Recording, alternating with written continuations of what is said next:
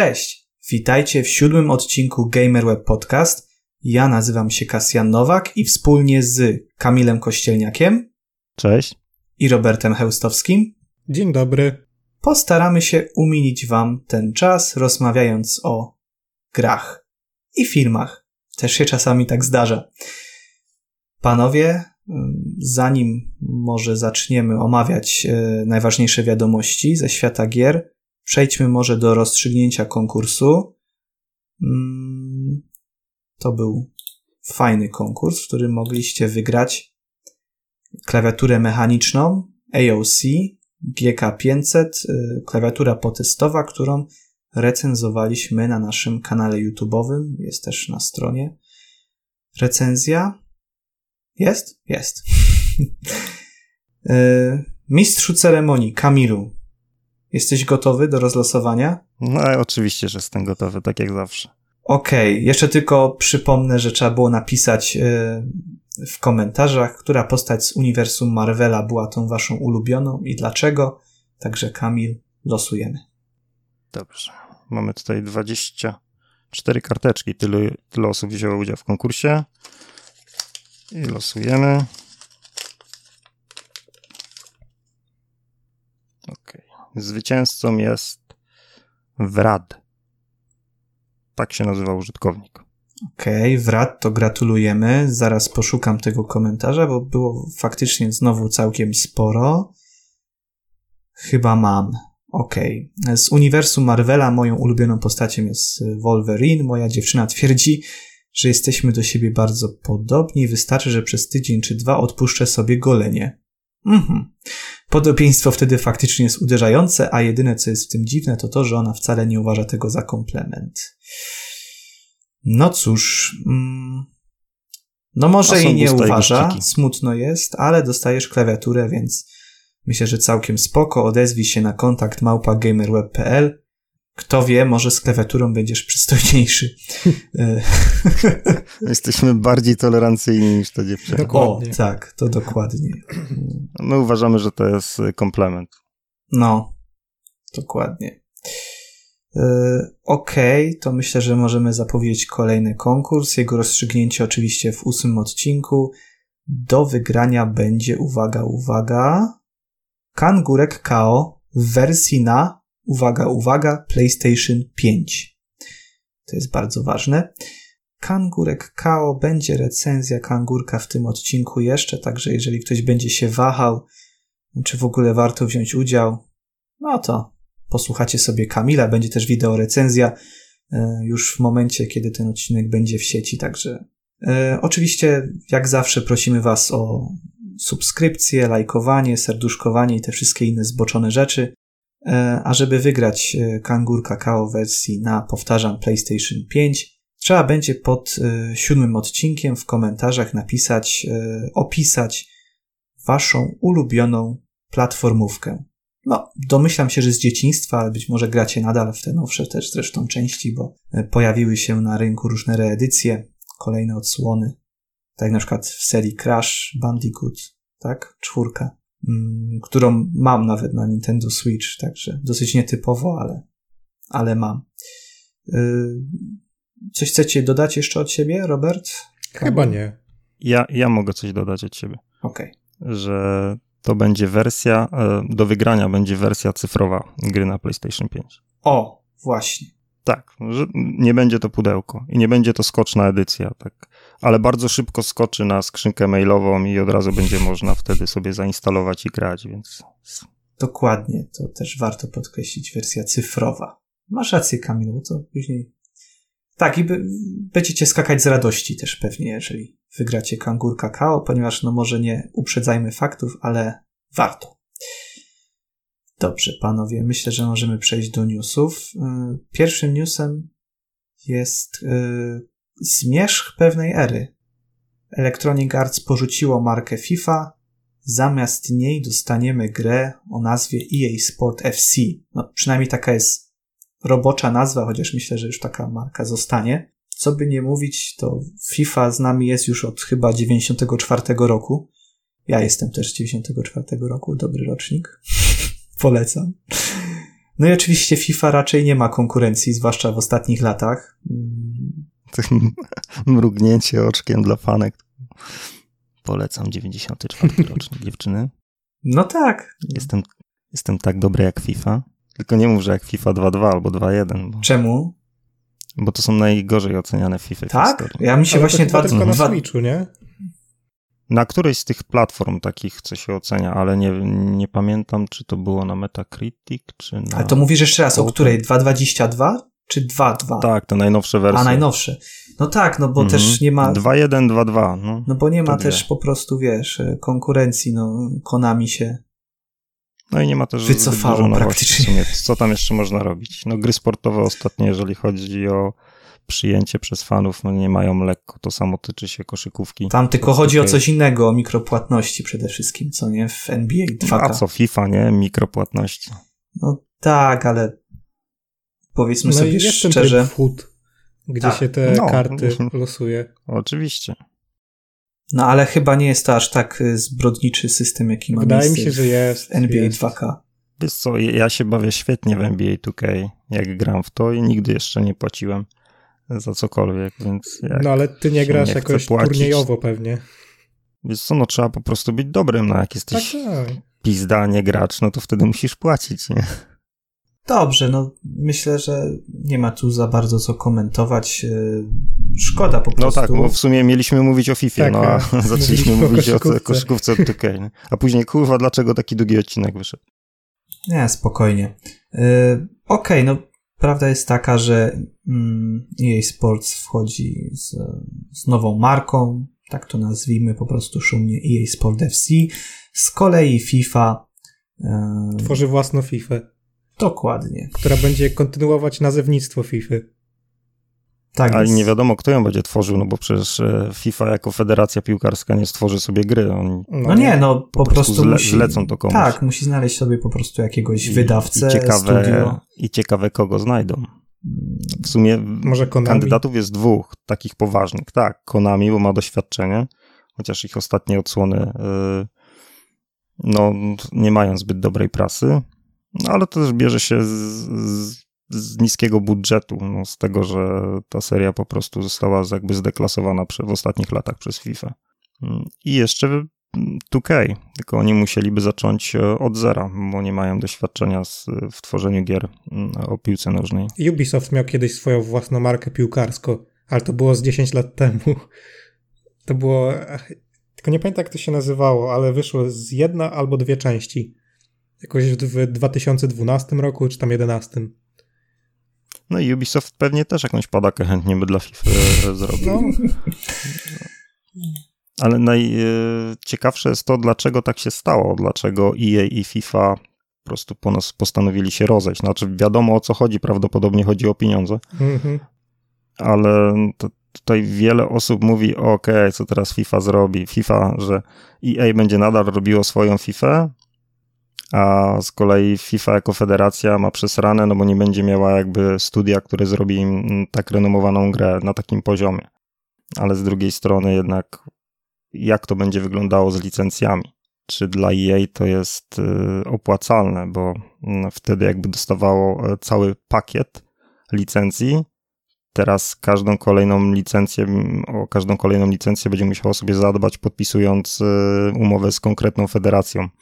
Więc y, wydaje mi się, że tutaj dla EA może to wyjść o wiele drożej. No bo to właściwie za, zabiło e, markę Konami. To zabiło Konami, Że tak, nie to zabiło licencji. właśnie PSA od Konami, dokładnie. Ale z drugiej strony gracze już też, y, w sensie mówię tutaj o piłkarzach, mm, współpracują z Electronic Arts. Myślę, że tu nie będzie takiego problemu. Właśnie nie wiem, czy z Electronic Arts, czy nie z FIFA bardziej. Mm, To pewnie zależy od samych graczy, ale mm, czy od samych piłkarzy. Szczerze, Musimy jeszcze brać pod uwagę jeden fakt, że EA nie jest już potęgą, jaką było jeszcze kilka lat temu. No to Kiedy prawda. zdarzały im się potknięcia i wszyscy ich krytykowali, ale no, no wiadomo, duży wydawca, duże studio. no ale Obecnie myślę, że, Oni mają same potknięcia. myślę, że i- mają na to jakiś pomysł. No po prostu No, dla mnie to oni nie mają w ogóle ostatnio pomysłu na cokolwiek, co robią, bo, bo powiedz mi, jaki jest ostatni sukces EA? Star Warsy to ostatnie? Star Warsy no, może, no. To, no. Tak, no to to jest jedyna gra, To było z dwa lata im, temu już. No, chyba nawet więcej. Bo to jeszcze było przed pandemią. E, grubo, więc... No. E, więc może się okazać, że mm, koniec FIFA w obecnej e, formie może być gwoździem do trumny jej. Być może, a z Bo, drugiej bo to jest jedyna świetnie sprzedająca się marka, którą jej obecnie posiada. No trzeba by było jeszcze zobaczyć, nie wiem czy nie Simsy jeszcze, tylko że już, e, wiesz, piątka powstaje Simsy. Mhm. Mm, Z tego co pamiętam powstaje też Skate, no to akurat będzie niszówka. E, Kto wie, czy nie wiem, może, może Electronic Arts mogłoby ruszyć po prostu jakieś skostniałe odsłony.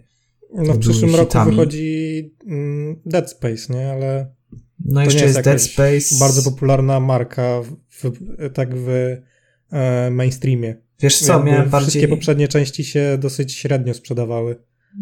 miałem na myśli bardziej e, serię Need for Speed, która jeszcze tam myślę na jakichś oparach e, jeszcze jedzie. No ale to też każda kolejna część chyba jest coraz słabsza. Tak, dlatego, dlatego bym się nie... Je, jedzie na samych oparach. Każda ich wielka seria jedzie na oparach już od wielu lat. A z drugiej strony i tak, e, wiesz, każdy narzeka, a później i tak grają ludzie, także... No grają, ale jednak słupki sprzedaży spadają. To samo mówiło się o Call of Duty, o to samo mówiło się o mm, Battlefieldzie, że no gracze krytykują, krytykują, a i tak kupują. No i ostatnie lata pokazały, że już kupują coraz rzadziej. Że pomimo tego, że nie ma takiej dużej konkurencji na rynku, sprzedaż tych gier solidnie spadła. Z tą konkurencją bym się też nie zgodził. Konkurencja jest oczywiście gdzieś tam niszowa i, i zbiera sobie jakiś tam, wiesz... No, e, no, no niszowa, no to przy, dla tak dużych gigantów, no to, to, jest, to jest olbrzymia różnica. No to jednak no, mówimy o takich seriach, które głównie kojarzą się e, z sieciowym strzelaniem. Jeżeli, no to, no to co jest konkurencją tak naprawdę? No, możemy mówić, i o, mówić o Destiny, możemy powiedzieć o Halo, ale to też No, są to są troszeczkę inne innego typu gry. Tak, dokładnie. A jednak e, no, dla PC-ciarzy i nawet dla konsolowców też, a no, ale no, no to Call of Duty i Battlefield. To są sieciowe FPS-y najpopularniejsze. Nie no, myślę, że Electronic Arts jeszcze coś tam ma, bo jednak te Star Warsy są. Myślę, że te Simsy też mogą coś ruszyć. No bo gdyby już Simsy miały być spieprzone, no to, to może faktycznie Chyba już były. trzeba zamykać. Bo Proszę? ostatnio te DLC do Simsów są coraz słabiej oceniane. Więc e, fanom Simsów się nie podoba kierunek, w jakim ta seria idzie. Wiesz co, no nie będę udawał eksperta. No, ja też Od nie jestem, Simsów? No co, wychodzi co pewnie- słyszałem. Warto, warto też zwrócić uwagę na to, że jeżeli weźmiemy tak naprawdę dużych wydawców, którzy jednocześnie mm, i producentów, którzy nie są producentami również konsol, no to jeszcze 7-5 lat temu byśmy jednym tchem wymówili EA, Ubisoft, Activision Blizzard. Kogo jeszcze? 2K? 2K, no. I teraz możemy sobie powiedzieć, wszystkie te firmy mają problemy. Wszyscy. No to prawda. Ubisoft, no, te, też ma problemy, bo ich każdy kolejny tytuł jest gówniany. Nie, wypraszam ich sobie. serie, Ich serie są um, coraz bardziej się jakby, no, nie są w stanie jakby dać nowego życia Poza jedną. e, swoim najlepszym markom. Którą? Poza jaką? No Anno, tylko że to jest niszówka. A, no tak. Ale Anno Ano, ale Ano się trzyma mocno. Tylko to jest niszówka. tak. Tylko po prostu, wiesz, no, trzeba być jakby no, uczciwym, że akurat tej serii jeszcze nie, nie spieprzyli. Tak, Bethesda już została sprzedana. Mm, Activision Blizzard również. No ja czekam aż w końcu mm, znajdzie się nowy właściciel na Ubisoft i na EA. A jest możliwe to, bo chyba nawet były jakieś plotki, że jej chce się sprzedać. Mhm. Ale to nie wiem, czy to takie plotki sprawdzone, czy nie. Wydaje mi się, że niedługo może się zrobić tak troszeczkę e, ten rynek dużych wydawców, ten krąg dużych wydawców może się znacznie uszczuplić. On już, już się uszczuplił, ale będzie jeszcze węższy. No I dlatego wam mówiłem, idźcie w indyki, panowie. No ale to... Znaczy Robert jeszcze mnie słucha, ale ty, Kamil, to... No, co ja ogrywam mnóstwo indyków. Dobrze, wiesz, że żartuję. Yy...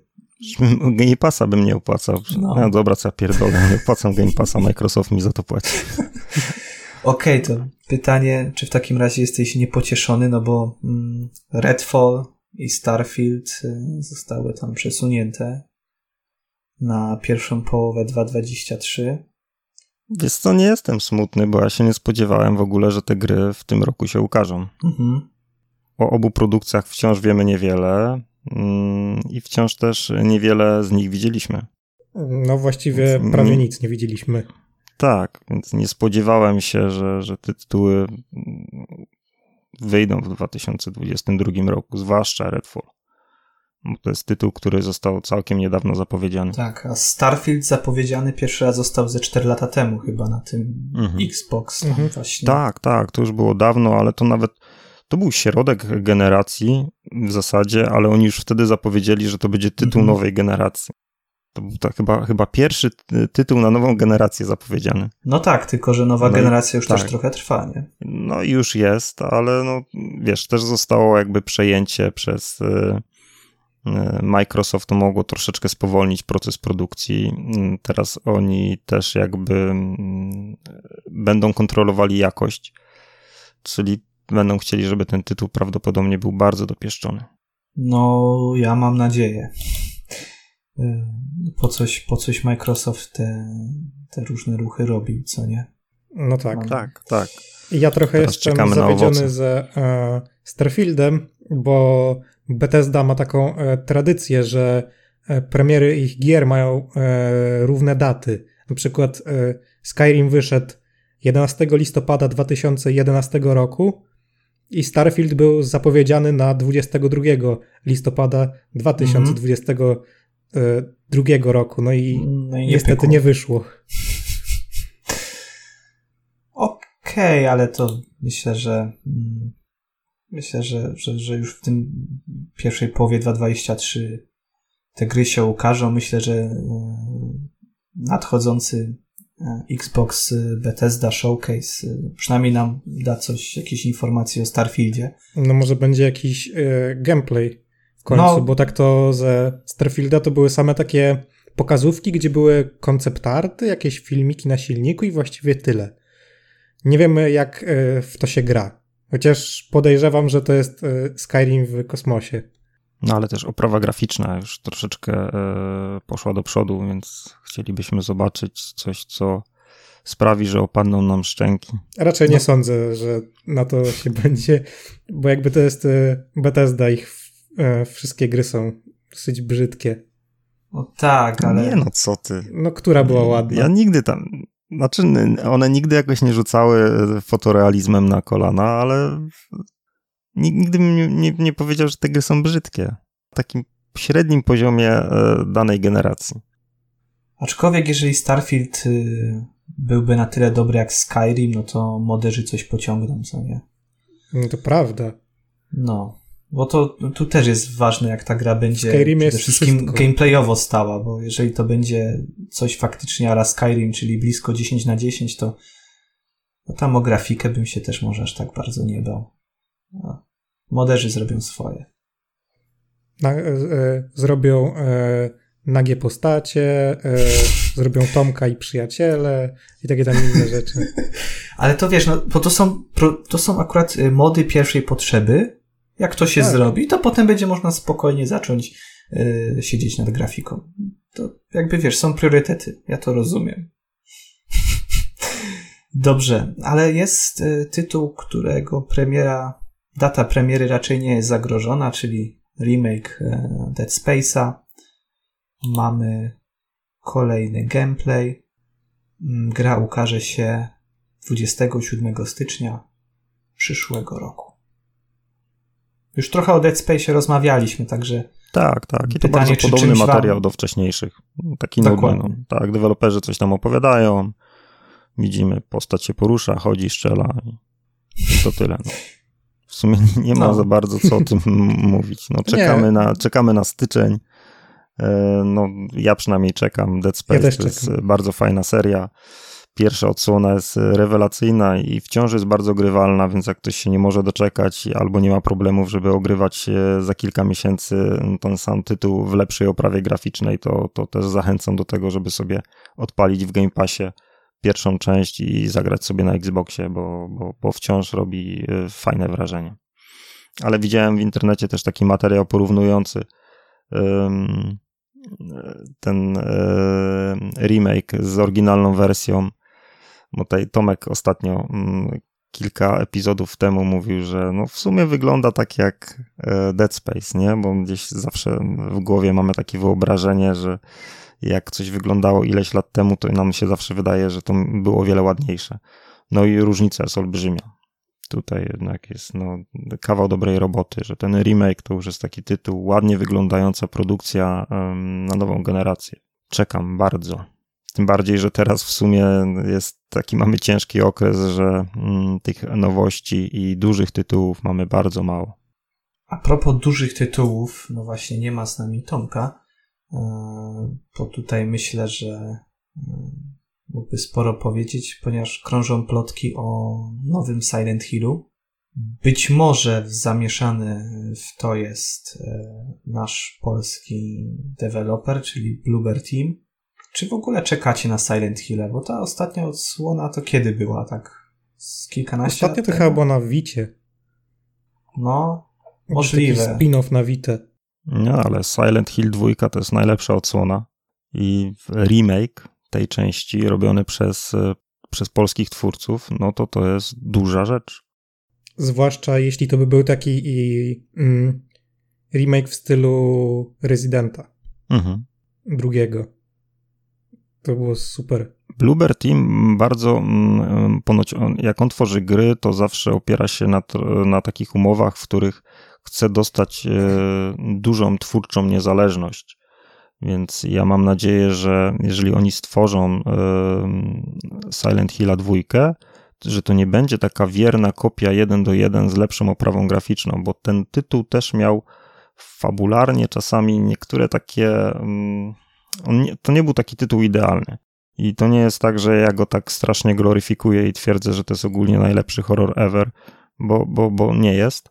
I, i chciałbym, żeby oni też dali troszeczkę coś od siebie, żeby postarali się nie tylko zrobić ładnego Silent Hilla, tylko zrobić lepszego jeszcze. To był również ich tytuł. To Bo prawda. To jest studio, które na to zasługuje. I oni już wypracowali sobie odpowiednią markę i gdzieś chyba już w świecie uchodzą jako specjaliści od, od tego gatunku. Mhm. W ogóle właśnie w tych wszystkich rewelacjach na temat tego, że Bluebird Team ma pracować nad remake'em Silent Hill 2 było właśnie gdzieś też stwierdzenie, że to nie tylko właśnie tam, wiesz, grafika, tylko tam mają być pewne zmiany. Mhm. Nawet chyba dotyczące samego zakończenia. Tak, albo zagadek, mm. które były niektóre no, tak, zagadki by się przydało, mhm. bo one Żeby to troszeczkę odświeżyć. Niektóre były idiotyczne straszyć. i teraz byśmy zupełnie inaczej do tego podchodzili. Ale dokładnie, to też mają być właśnie przerobione zagadki. Mhm. Możliwe, że będą też nowe zakończenia. To Silent Hill miał takie dziwne e, zakończenie, że za wszystko odpowiadał pies, tak? Jakieś takie sekretne że się wchodziło do kurde, e, pomieszczenia, pamiętam, a tam taki było... Shiba pies siedział przy konsoli i wszystkim sterował. To tak dawno ogrywałem, że szczerze mówiąc y, nie za wiele pamiętam. A... Ja tym bardziej, bo to tak jak przez mgłę w zasadzie. No, ale... Tak, to że ja chciałem ostatnio wrócić sobie do jakichś starszych części, ale jakoś kurde odrzuca mnie troszeczkę mechanika tej gry już. Nie na Gogu, na Gogu są jakieś Silent Hill, jakiś tak. jest, ale to chyba nie, są, nie wiem, czy to najlepsze. Ale na Xboxa też można przecież e, kupić i, i zagrać. Tak, bo wyszły remastery jeszcze mhm. w czasach 360, e, tylko że część osób na nie narzeka, bo tam podrasowanie graficzne sprawiło to, że jest e, mniej e, mgły, przez co klimat trochę uleciał. Aha, no tak.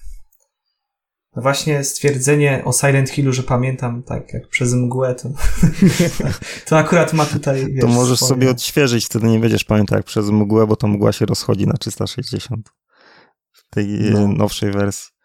Tylko to muszę zobaczyć, czy jest cyfrówka, bo ja mam Series S, więc wiecie. To, jest, jest, wersja cyfrowa, jest w sklepie.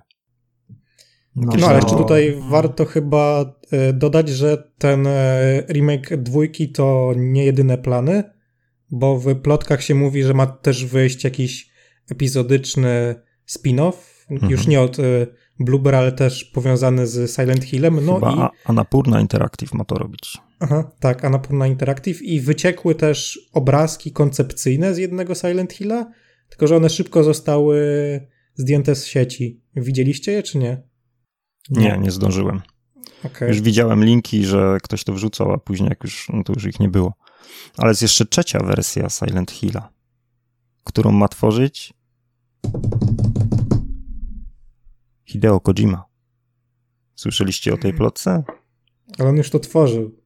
No tak, tylko wyobrażasz sobie, no tak, tylko wyobrażasz sobie, że Hideo Kojima ma tworzyć grę dla Konami? No, tak średnio. Po tej całej dramie, y, Kojima dramie sprzed kilku Może lat. będzie jak... Wydaje... No, no, ja nie biorę Zwłaszcza, tego tak na... Po...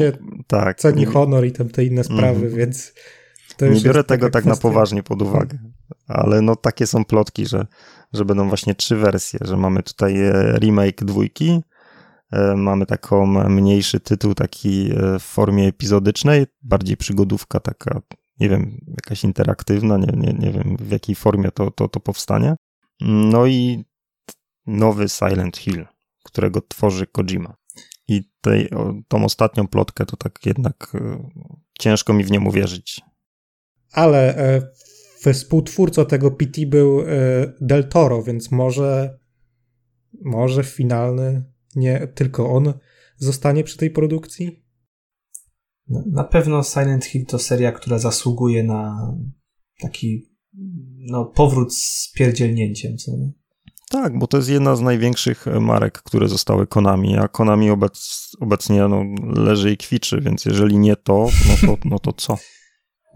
Ale mam nadzieję, że twórcy właśnie, ci więksi wydawcy tak ogarną się troszkę i, i zauważą, że, że jednak no, for the players, co nie? Ale, ale to może takie moje po prostu, wiesz, raczej dziecięca naiwność, ale zobaczymy. No. Ja tam trzymam kciuki oczywiście, no bo nie będę, wiesz, jakby narzekał kręcił nosem, no bo nie wiem, co by się musiało stać, żeby kręcić nosem. To chyba tak jakby na przykład, nie wiem, z Alone in the Dark, co tam potem poszli w takiego bardziej akcyjniaka, nie? Mm, I polski dubbing z Robertem Gonerą, przynajmniej ja tak zawsze pamiętam Alone in the Dark, to jest z 2007. To była taka seria zarżnięta tak konkretnie. Tak. A to chyba była już ostatnia część, ta Nie, potem, po, nie potem, jeszcze, potem jeszcze wyszło takie jakieś takie gówno w 2015 czy tam. Okej, okay. to o tym już nie słyszałem. No to to był taki, z tego potem Albo zrobili takiego... z mojej pamięci. Raczej wyparłeś, bo to był taki TPS. No, to była marka Atari, nie? Ale oni Dark to A tak, marka... faktycznie wyszło, pamiętam. No, to tak dobili po prostu. Mm -hmm. Atari tak dobiło jeszcze. nie wiem, nie wiem, kto tam, kto tam, kto tam co ćpał, ale, no ale to Atari, no to co, ciszej nad tą trumną, nie? No Atari chyba już nie żyje. Czy jeszcze coś wydają? Nie, no, teraz może lic już... licencją tylko handlują. Ostatni no. tytuł wydany przez Atari chyba było Atari Flashback, czyli gry z lat 80. wydane na jednej płycie. Chyba na dwóch płytach. Właściwie no to, to, na no, były, no. czterech, bo były cztery wersje tego flashback. Tak? Cztery części aż? Tak. Kiedyś była jakaś mega promocja, to nawet miałem ochotę to kupić, ale to, to zupełnie chyba za 39 zł była jedna płyta, no ale ostatecznie nie zdążyłem, bo zostało szybko wykupione. Później jeszcze były jakieś promocje za 59-69, ale stwierdziłem, nie, nie, nie. To za, za dużo pieniędzy na grę, w którą nigdy nie zagram bo to prawdopodobnie może bym odpalił, później mówię, o kurwa, przecież to już się nie da grać, koniec. Tak by to wyglądało. Dobrze, zanim przejdziemy do e, PS Plusa, to sobie może zostawimy na deser. E, filmy, tam też mamy troszkę, to też sobie zostawimy na deser. Myślę, że możemy przejść do Alana Wake'a, Remaster jedynki pojawi się na Switchu. Mamy zapowiedź serialu. Pojawiły się też jakieś takie materiały koncepcyjne z dwójki. Mm, w takim 13-minutowym filmie.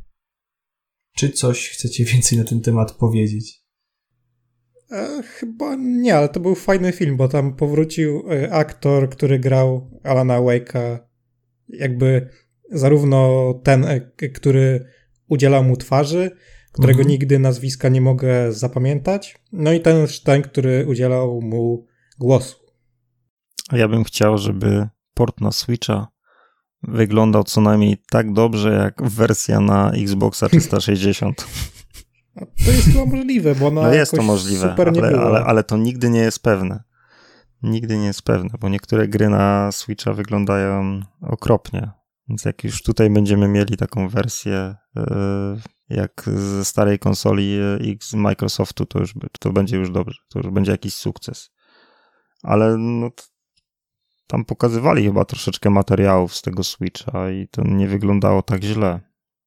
Kurde, no ja kupiłem ten e, remaster.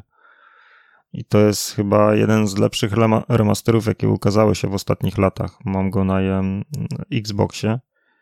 I no nie ukrywam, że z chęcią bym ten tytuł też przeszedł na, na konsoli Nintendo. Więc jak może nie na premierę, ale jak będzie na jakiejś pierwszej promce, to, to chyba wyrwę.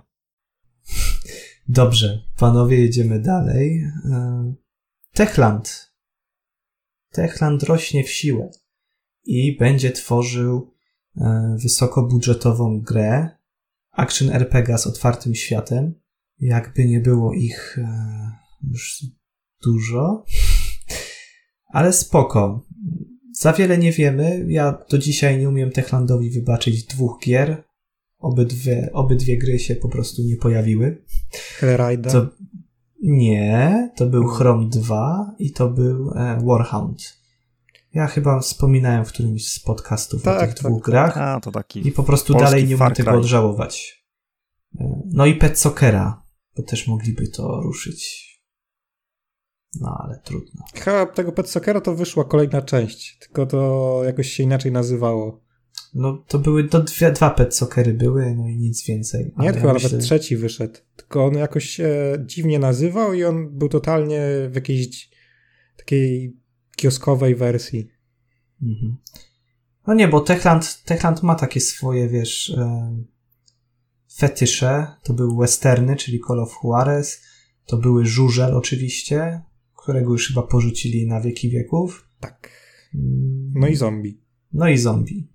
No i wcześniej jeszcze tam romansowali właśnie, jak robili tego chroma, to no ale to też niestety tam nie no, pykło. Ale Techland Fajna się gra, prowadzi. ale nic z tego nie wyciągnęli. Proszę? Techland dobrze się prowadzi. W sensie takim, że y, on rzadko popełnia jakieś duże błędy. To prawda. I gry, nawet jeżeli mają jakiś projekt, który nie, nie do końca im wypala, no to oni po prostu go no, duszą w zarodku i on nigdy nie wychodzi na światło dzienne. A jeżeli już wydają jakąś grę, no to, no to ta gra na siebie zarabia. Tak jak chociażby mm, Dying Light, pierwsza część, która okazała się wielkim sukcesem i to jest tytuł, który wciąż jest rozwijany.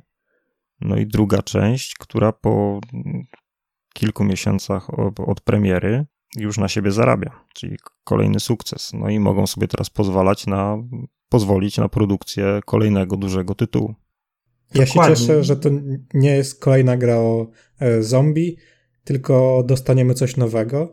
Tak, oni, zresztą oni pewnie widzieli, w jaki sposób rozwijana była pierwszy, pierwsza część Dying Light i, i wie, wiedzą, że jeżeli będą umiejętnie do, tworzyć dodatki do, do drugiej części, tej grze jeszcze też starczy paliwa na, na kilka lat, więc to jest taki tytuł, który można rozwijać przez 5-6 lat, a w tym czasie warto zrobić jeszcze kolejny duży tytuł i dlatego potrzebują nowych ludzi.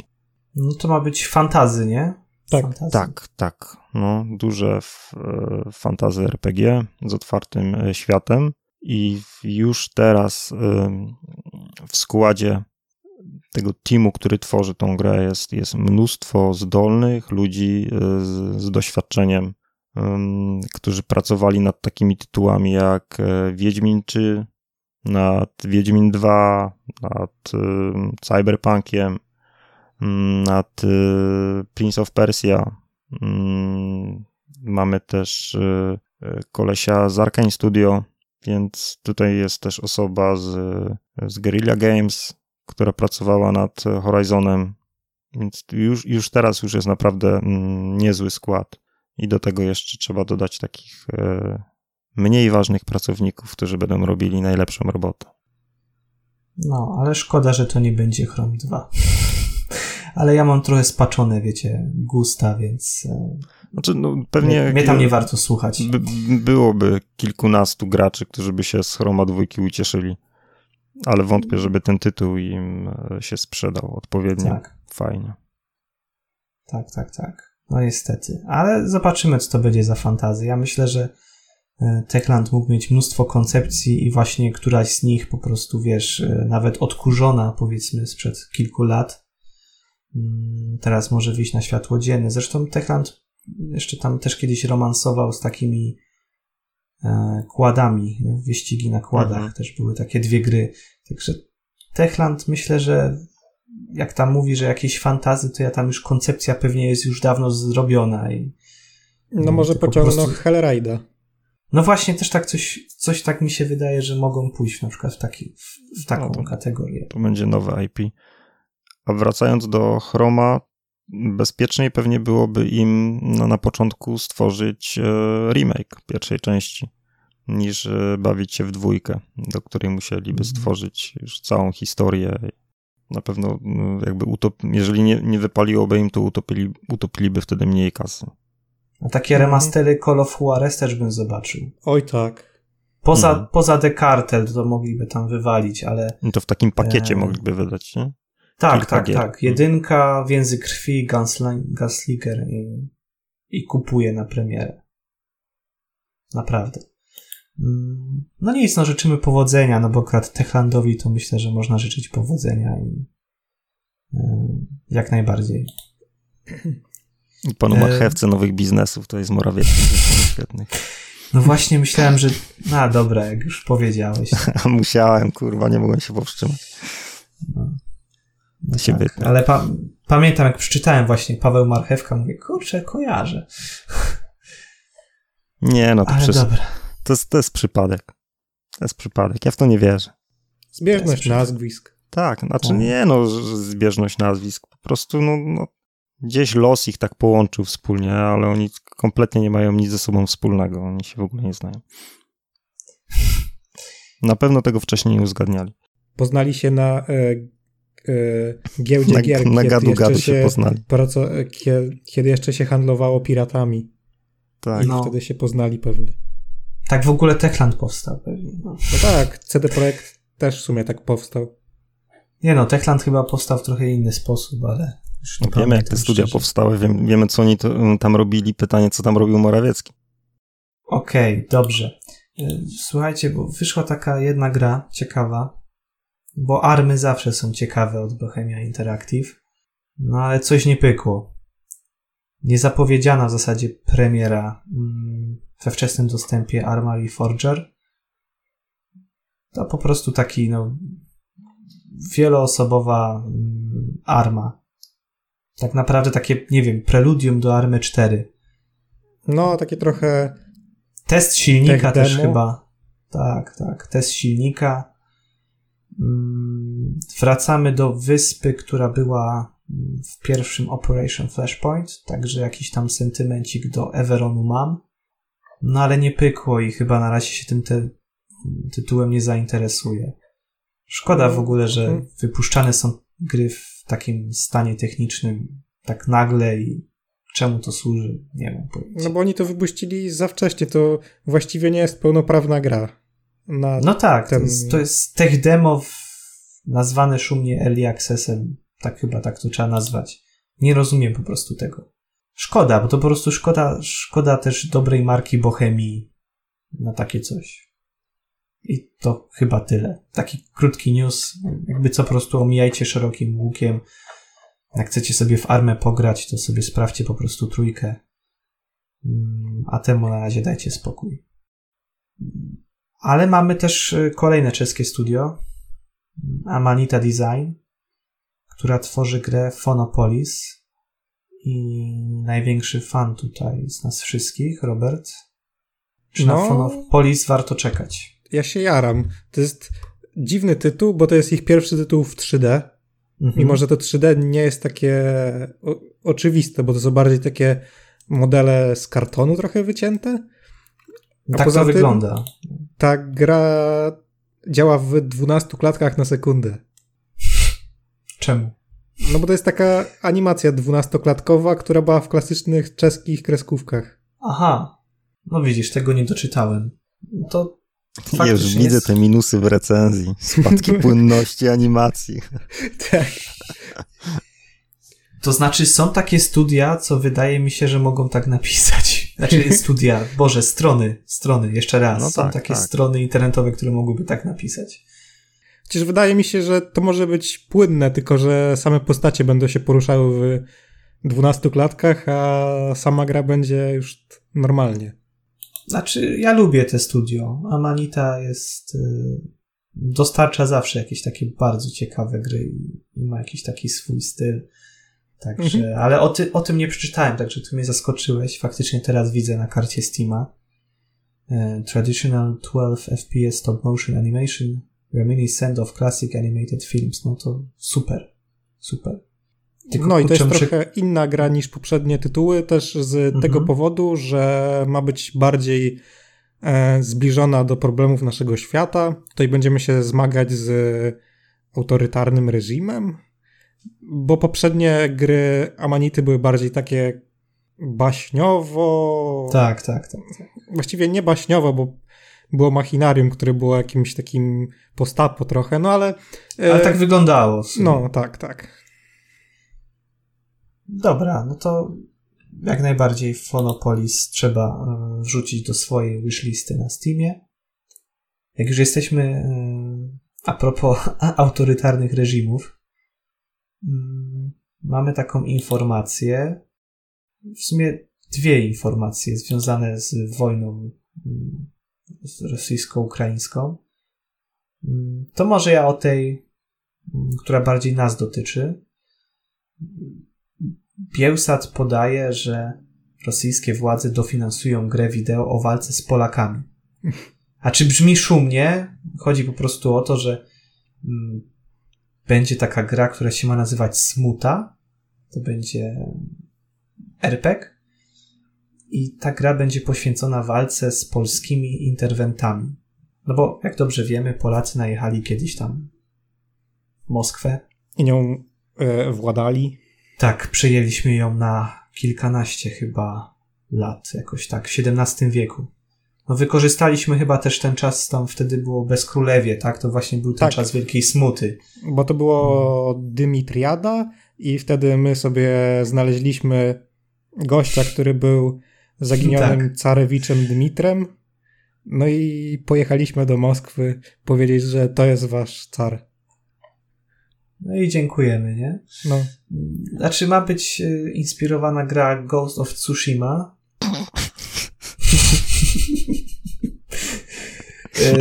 szczerze biorę to do recenzji. Co prawda nie wiem, czy to się ukaże. No ja nie wiem, to... czy Polacy dostaną to do recenzji. Ściągniesz pirata. Ściągnę pirata po no prostu. No w sumie tak. Biorę to... No. W Rosji e, są legalne piraty, więc... No, to my zrobimy tak ściągać. tak samo. Oni mogą ściągać, więc... Nie, ale naprawdę jestem ciekawy, bo ty, zawsze te rosyjskie koncepty były mega tak, interesujące. Szczerze, to jest y, bardzo fajny pomysł, bo to naprawdę może mieć e, potencjał na grę w stylu Assassin's y, Creed. Tyle, że jeżeli to finansuje rząd y, rosyjski, no to prawdopodobnie wykonanie będzie słabe i skończy się na taniej propagandzie, a nie na faktycznie wysokobudżetowej grze. Ale pomysł coś... jest fajny tak, to będzie coś w stylu, że cud, że gra się w ogóle włączy. Też tak, tak. czuję, jak tak patrząc na ostatnie poczynania Rosjan. Oczywiście ja się z tych poczynań cieszę, no bo mnie to cieszy, że dostają po dupie. No ale mm, z grą no, też tak, tak coś czuję będzie. No, ja wiem, że też nie do końca. Mm, zwłaszcza, że mamy tam problem też, y, najprawdopodobniej problem, który pojawi się dopiero za kilkanaście tygodni, problem głodu w Afryce. który jest właśnie wojna ukraińsko-rosyjska wpływa na takie właśnie rzeczy. To jest tragedia wielka ludzkości.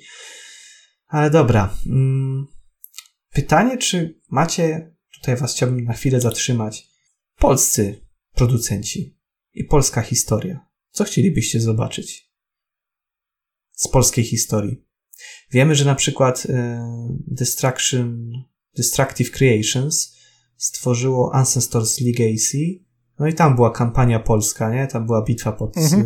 od, pod Cedynią, tam właśnie te takie nasze polskie bitwy założycielskie. Tak to nazwijmy szumnie. Tam Mieszko i Bolesław Chrobry. A co widzielibyście z polskiej historii? Ja chciałbym zobaczyć jakąś adaptację Sienkiewicza. Albo Krzyżaków, albo Ogniem i Mieczem. Myślę, że to się nadaje na bardzo fajny tytuł, nawet też w stylu Asasynów czy coś gdzie byłby otwarty świat, gdzie są dzikie pola i byśmy sobie łazili po tym e, ukraińskich stepach i odkrywali fa fabułę z książek. To by miało to, bardzo duży potencjał. To by miało duży potencjał. Ten potencjał, no wiadomo, niewykorzystany w Mountain Blade, bo tam scena moderska stworzyła chyba Fire and Sword, czy tak, to potem wyszło jako oficjalny dodatek, przynajmniej w Polsce. No tak, Fire and Sword, ogniem i mieczem. no tak. Yy, chyba nawet grałem, ale jakoś mi to tam nie przypadło do gustu, no ale powiedzmy, że to był Mountain Blade i to jeszcze ten kanciasty, ta dwójka jest lepsza. Yy, Okej, okay, Kamil, ty co byś chciał zobaczyć z polskiej historii? No to Robert mnie wyprzedził, to sztampą pojadę. Bitwa pod Grunwaldem, no oczywiście. Ale w no, formie jakiej? No, w formie takiej, żeby się napierdalać z krzyżakami. Ale wiesz, RPG, tak? Czy action jakiś z otwartym nie, nie, światem? Nie, nie, nie. Yy, bardziej bym to widział jako gra yy, z perspektywy pierwszoosobowej. Jak się nazywa ta gra, gdzie są multiplayerowe starcia rycerzy? Yy, Co wyszła w tamtym... Chivalry. No mhm. to właśnie, byłoby to takie polskie Chivalry. Tak, ale no po prostu jeszcze zrobić taki tytuł z fabułą, z jakąś historią.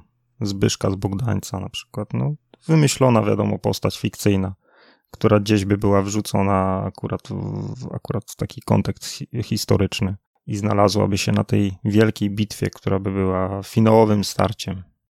Hmm. No to ja tak nietypowo raczej, bo pewnie spodziewacie się, że powiem druga wojna światowa.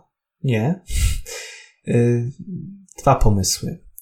Pierwszy to coś w stylu You Are Empty, które brało tam też właśnie w komunistycznych czasach, miało taką swoją, się osadzało. I zobaczymy coś podobnego. Takie polskie You Are Empty. Nie wiem, czy graliście w tego shootera.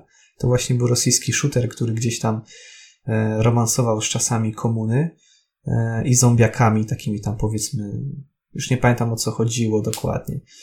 Mm, tak mi przyszło na myśl, że zobaczymy coś takiego, takiego trochę dziwnego, osadzonego właśnie w polskiej komunie, nie wiem, czy dobrym pomysłem na grę byłyby kolejny polski mit założycielski, tylko że mm, druga rzecz pospolita i historia na przykład Piłsudskiego, mm, wieńcząca się bitwą warszawską.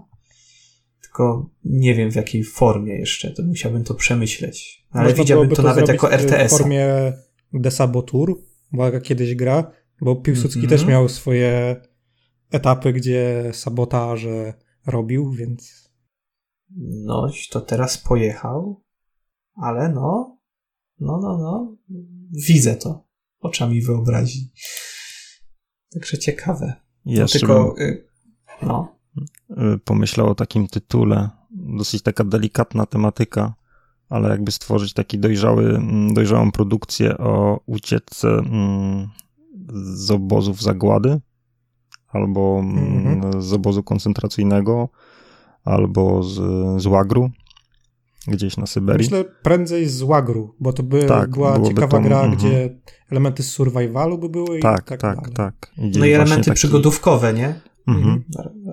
Gdzieś na początku właśnie jest y, sama mogłaby być to gra bazująca na takiej kooperacji, na współpracy dwóch graczy. Mieliśmy przecież od y, kto to robił? EA, e nie? Joseph Fares. Mhm. Co była ucieczka z... Nie pamiętam, jak się nazywało studio jego. No, ale mówicie o A Way Out, tak? Tak, tak, tak, tak, No. tak. No ale to wydaje EA, nie? Coś podobnego w takim stylu, tylko że najpierw jest właśnie ucieczka z, z obozu, a następnie jest właśnie jakby taka próba przetrwania y, w takich skrajnych warunkach. No, ciekawe. Mamy jeszcze. mm, No to jeżeli wszyscy mają po Mhm. dwa pomysły, no to ja też mogę dać.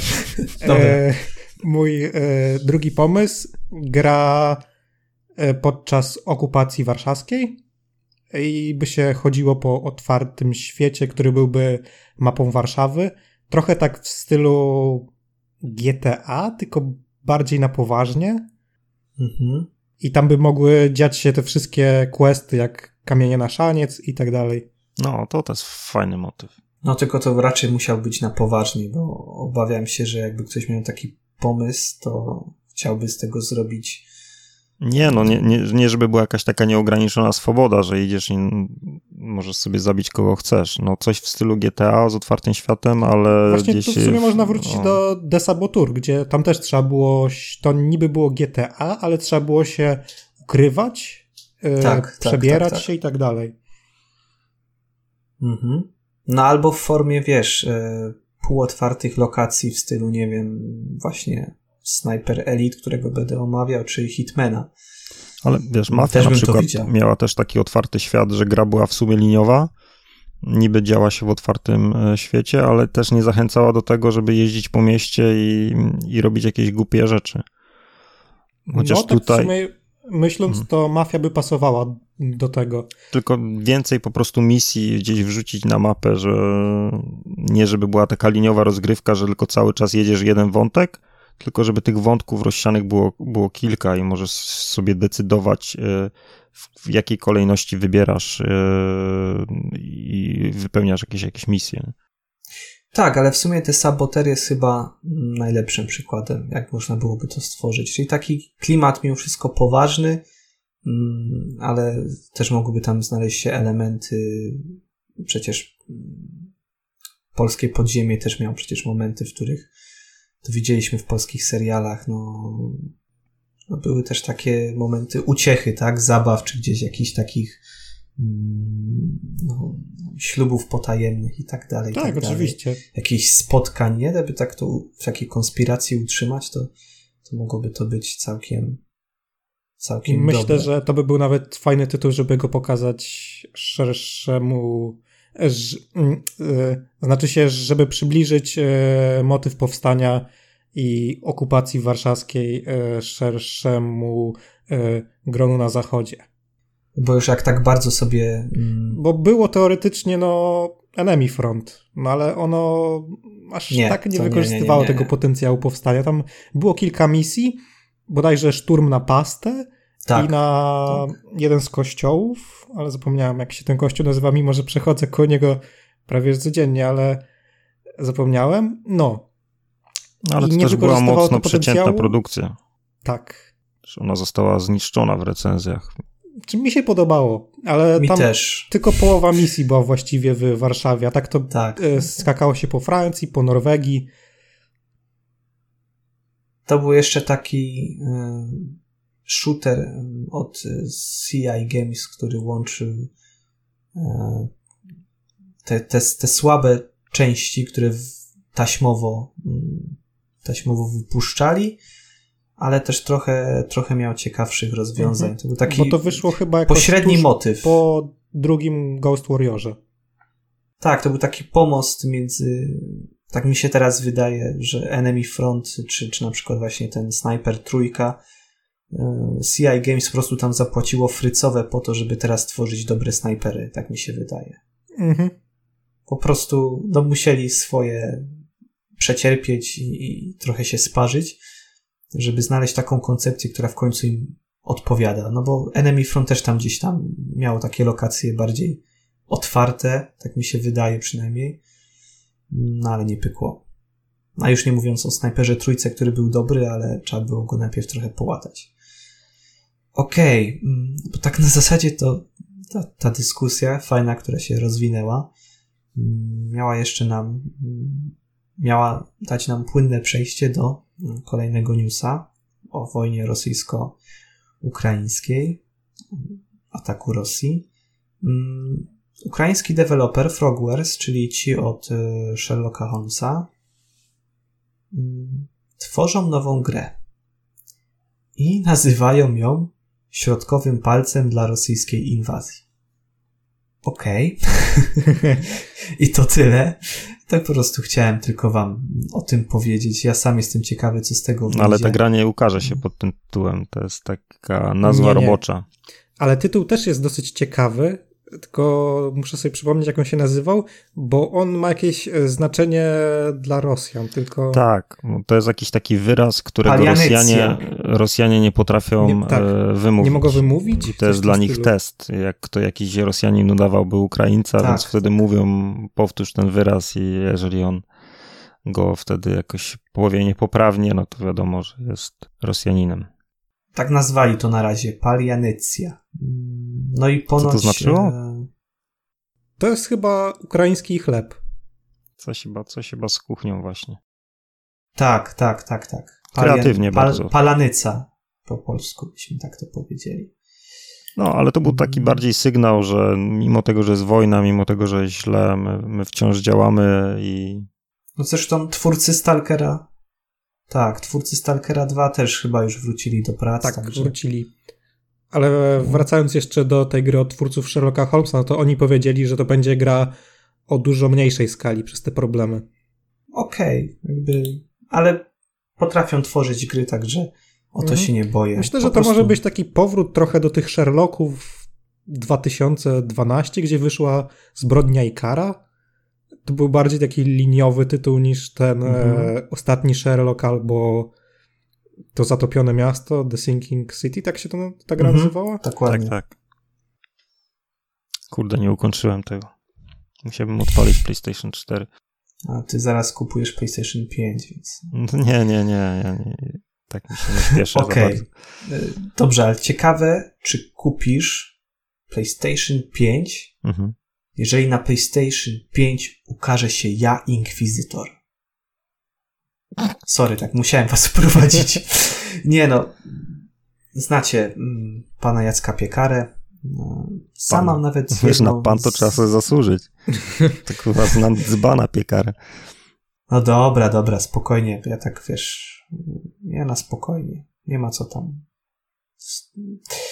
atakować. Pan Jacek Piekara mm, stworzył wiele, napisał wiele ciekawych książek, które się całkiem dobrze sprzedawały. E, jedną z nich jest e, no, Ja Inkwizytor, tak? Jak to się nazywa? To, czy to było jakoś inaczej? Na początku to chyba tak się nie nazywało, ale później wychodziły kolejne spin-offy, które to dopisały do okładek. No, dokładnie, bo ja chyba tylko mam na półce łowców dusz. Ja żadnego nie czytałem, ale podobno takie średniawe. Bardzo schematyczne. To jest grafoman, więc innej książki no nie tak. napisze. Jak on te książki, to chyba z pięć na rok ich pisze. Mhm. To są takie typowe Ostatnio produkcyjniaki. Tak, i to wszystko bazuje na schemacie podobnym. W ten sposób się pisze szybko książki. Okej, okay, no a co sądzicie o tym, o tym zwiastunie, bo to się nawet na IGA nie pojawiło. A on nie? coś zainwestował w tą grę, ten piekara, bo to jest warto wspomnieć, że to jest, bo, że to jest osoba, która pisała dla wiele growych e, czasopism i no portali w swoim czasie i też był redaktorem naczelnym. Miał swoją grę. Mhm. O której e, wszyscy miał, pamiętamy. Mm, Księcia i Tchórza. Mhm. Przy, przygodówkę z 96 roku, e, którą współtworzył z Adrianem Chmielarzem. To była bardzo tak. dobra przygodówka. Tak, tak. I tam Piekara współodpowiadał za scenariusz, ale też udzielił e, licencji na jedno ze swoich postaci. To był Mac Archibald bodajże? Mhm. Jakoś, co, co, co, coś takiego kojarzy, no. Chyba nie prze... Nie, no, więc Piekara był w grach szybciej niż Sapkowski. Tak, no i zna się na grach i pisał o grach, więc to jest taka osoba gdzieś e, tej z kręgu, z branży growej. A studio Dust, które jest odpowiedzialne za Inkwizytora, ona ma na koncie w ogóle jakąś produkcję? To jest chyba ich debiutancki chyba projekt. tak, ale oni teraz kryją te swoje starsze tytuły i chcą być mhm. uznawani za debiutantów. Wydaje mi się, że było jakieś takie mm, śledztwo i oni tam mieli jakieś dziwne tytuły bardzo poboczne, jakby nam mobilne i tak dalej. I są spółką giełdową. Skłamać. Tak, są spółką giełdową. Kiedyś stworzyli grę o Frankensteinie, ale to na VR-a. Tak, właśnie oni robili takie dziwne tytuły, które były bardzo niszowe. No i ten tytuł też wygląda bardzo niszowo, więc ja mu nie wróżę jakiegoś wielkiego sukcesu.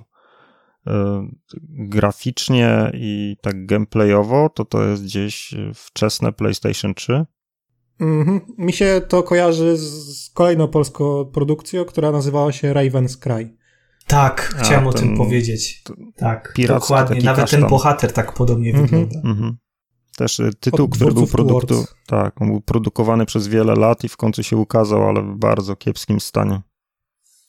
Ciekawe, czy Reality, y, reality Pump jeszcze żyje, bo ja bym tego Two Worlds 3 to bym zobaczył. Oni w teorii oni chyba żyją, ale w praktyce nie wiem. W teorii, w teorii to oni wydali takie z, z dupy naprawdę dwa DLC-ki do Two Worlds w pewnym momencie. Tak, w ogóle była afera, bo oni chyba dodali mikropłatności do Two Worlds 2. No, chyba było coś takiego, tak. Dobra, ale ja Inkwizytor generalnie na Witchlistę raczej nie wrzucę. Ktoś to weźmie do recenzji. No. Chyba, jak nam dadzą. I ja w sumie tak czekam, ale to tylko, żeby sprawdzić, co z tego wyjdzie. Ale to jest planowane nie też na konsolę, czy tylko na. Tak, PC? tak, to tak. będzie na PS5, dlatego powiedziałem. Ty kupisz PS5 i ograsz Inkwizytora. Ale to ekskluzywnie na, na PlayStation 5? nie, jeszcze będzie też. Cała ulga, kurde, już myślałem, że na Xboxie nie będę mógł zagrać. Nie, będziesz mógł zagrać. E, ciekawe, jak tam na giełdzie Dydas sobie poradzi, no. Ale zobaczymy. Może warto pisać newsy o inkwizytorze, bo tak, będziemy tak. mieli. Bankierzy będą aktywni. No. Ale to już historia znana chyba. Ja to kiedyś chyba opowiadałem. Nie? Tak, opowiadałeś. Tak. Ze snajperem. Wy macie lepszą pamięć niż ja, dlatego spoko. Dobra. Mm, co do gier, e, które ponoć żyją, no to Beyond Good and Evil jednak żyje. I Dwójka. znowu mówiliśmy o tym w, w poprzednim odcinku mhm. i proszę. Wyznaczamy trendy. No. Ubisoft sobie przypomniał, ej, słyszeliście? W GamerWeb Podcast mówili o tej grze. Kurde, no zapomnieliśmy o niej. Musimy wypuścić jakiegoś newsa, że nadal ją produkujemy. Ile lat? Ile lat od zapowiedzi? Siedem. E, nie, nie, nie, nie. Zależy której zapowiedzi, bo no ta gra była zapowiadana tak. dwa razy. Mhm. Ale chyba to Najpierw ostatnia... Miała... W 2017 chyba. Mhm. Była ostatnia. najpierw to miała być bezpośrednia kontynuacja pierwszego. Beyond. Nawet był mhm. pokaz na E3 tam 2007 chyba. No, ale potem 8. Ale, to, ale potem totalnie zmienili plany. No i zapowiedzieli to drugi raz. Prawie 10 lat później. No. Najśmieszniejsze jest to, jak się czyta na I za następne 10 lat zadebiutuje. Na Wikipedii się czyta, wersja beta gry miała się pojawić przed końcem 2019 roku. Ho, ho. O, Pe pewnie przez pandemię. Już tam ktoś miał takie nacisnąć upload, już tam prawie szło, ale ktoś powiedział, ej, słuchaj, tam był grudzień 2019, ej, słuchaj, coś się w Chinach niedobrego dzieje. I ten koleś wstał od tego komputera, zaczął tam, poszedł do tego kolegi, zaczął czytać i tak już tam został i tak dalej tam stoi. I, tak. I nie ma kto tego przycisku nacisnąć. tylko on miał hasło do komputera. Bo to on wpierdolił tego nietoperza. No pewnie tak. Aż mi się przypomniała scena z The Office, jak też zapomnieli hasła. A dobra, nieważne. E, Okej, okay, dobra. Beyond Good and Evil. Wrócimy do tematu, jak będzie zwiastun. Czy gdzieś tak na setny odcinek coś tak mi się wydaje. Okej, okay. zostały nam jeszcze trzy perełki. Czy Musk chyba szybciej wyląduje na Marsie. O, możliwe. Dobra, czy ktoś z Was oglądał e, Spring Showcase wydawcy mm, 505 Games? Tak, ja oglądałem 505 Games. Ja tak chciałem ładnie. ja, ja, ja, nie oglądałem 505 Games, ale e, słyszałem, że e, Robert oglądał. I... No i dobra, panie, no to mów. Myślałem, że będzie coś więcej, a oni pokazali tam właściwie 5 gier? Czy 4? 4. E, 5, bo Aiden Chronicle, nie wiem jak to się czyta, były dwa tytuły z tego, no ale to właściwie bardziej chodziło o Rising.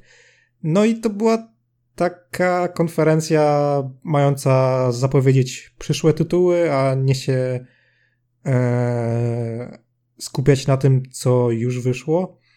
I zapowiedzieli Among the Trolls, e, Stray Blade, to Euden Chronicle i chyba najciekawszy tytuł, czyli Miazma... Maja Sama chyba coś takiego. Majasma, Miazma, Chronicles... Majasma, no chyba tak, no. no. Od twórców Mutant Year Zero, czyli takiego e, gry taktycznej w stylu X-Koma, gdzie graliśmy mutantami, zwierzętami. To była kaczka chyba i, i jakieś świnia. W to tak. akurat nie grałem, ale bardzo fajny tytuł. grał. No grałem, tak, grałem. Polecam. I bardzo mi się podobało. Ja nie jestem graczem, który często sięga po takie tytuły, ale no, ten mnie urzekł od pierwszego zwiastuna, bo ten pierwszy zwiastun był taki filmowy i bardzo fajny i ja nawet nie wiedziałem w ogóle, co to będzie za gatunek, jak on się ukazał. I to jest tak naprawdę intro do samej gry, ten pierwszy zwiastun. No, ale od razu wiedziałem, że będę chciał w, w to pyknąć i, i się nie zawiodłem. Bardzo fajny tytuł klimatyczny. Nie wiem, czy Kasjanowi też przypadł do gustu. Ale ja się spoko. Bawiłem się lepiej yy, i teraz pewnie będzie herezja ni, niż przy X-komie. No to jest herezja. Wypad, wypad z podcastu. nie no, serio, jak? Jak? Jak? No, jak? no nie, bo ty, no. Bo ty nie grałeś pierwszy X-koma. XCOM był fajny. Yy, grałem jeszcze na PlayStation 3, yy, a XCOM 2 jakoś mnie tak bardzo szybko Bo, z niego zrezygnowałem. X-Koma dwójkę to się gra z, razem z dodatkiem War of the Chosen. Do tego gra się to na PC i do tego instalujesz parę modów, jak y, po, nagry po nagrywce, to ci powiem jakie. Aha, I nie miałem instrukcji wiesz, obsługi, przepraszam, no. Ale no, tak samo... mutanci byli świetni. To i tak jest. Więc mamy nadzieję, że Miasma Chronicles też będzie świetne. To też ma być gra taktyczna, tylko w trochę innych klimatach. Chociaż pierwszy zwiastun nie zrobił na mnie takiego dobrego wrażenia jak, jak mutanci. Ale to miał być taki zwiastun chyba kończący po prostu mm, taki po prostu mhm. zrobiony na. Ale był mniej wiem, no filmowy, miał... kurde, no. Tak, tak, tak, tak. tak. Mniejszy no. budżet no. mają, czy co, nie mogli zrobić jakiegoś takiego bardziej. Wiesz co, może tak być, bo to jak wtedy potem zrobili tego Corruption, to, mm, to Corruption wyszło jakieś dwa tygodnie po zapowiedzi. To taka była to chyba mamy recenzję, bieda wersja mutanta. Tak, tego? mamy, tak, tak. Kto to jest, tak, jeszcze tak, tak. Mikołaj e, wtedy poddawał swój głos. Wydaje mi się, że wtedy to Kubacz y, robił. Nie, Mikołaj nie, nie Mikołaj, Mikołaj, a, okay. a, te, a tekst I... był Kasjana tak? Okay. I dostałem jeszcze opieprz za to, że nie zdążyłem e, go zrobić przed wyjazdem do Barcelony. Tak, no to, to jest norma. E, Stan... Ale chcielibyśmy pozdrowić Mikołaja, bo to jest e, jeden z naszych wiernych słuchaczy. Chyba tak, jeszcze, Mikołaj, nie jeżeli... wiem, ostatnio nie mówił, że nas słucha, ale... No.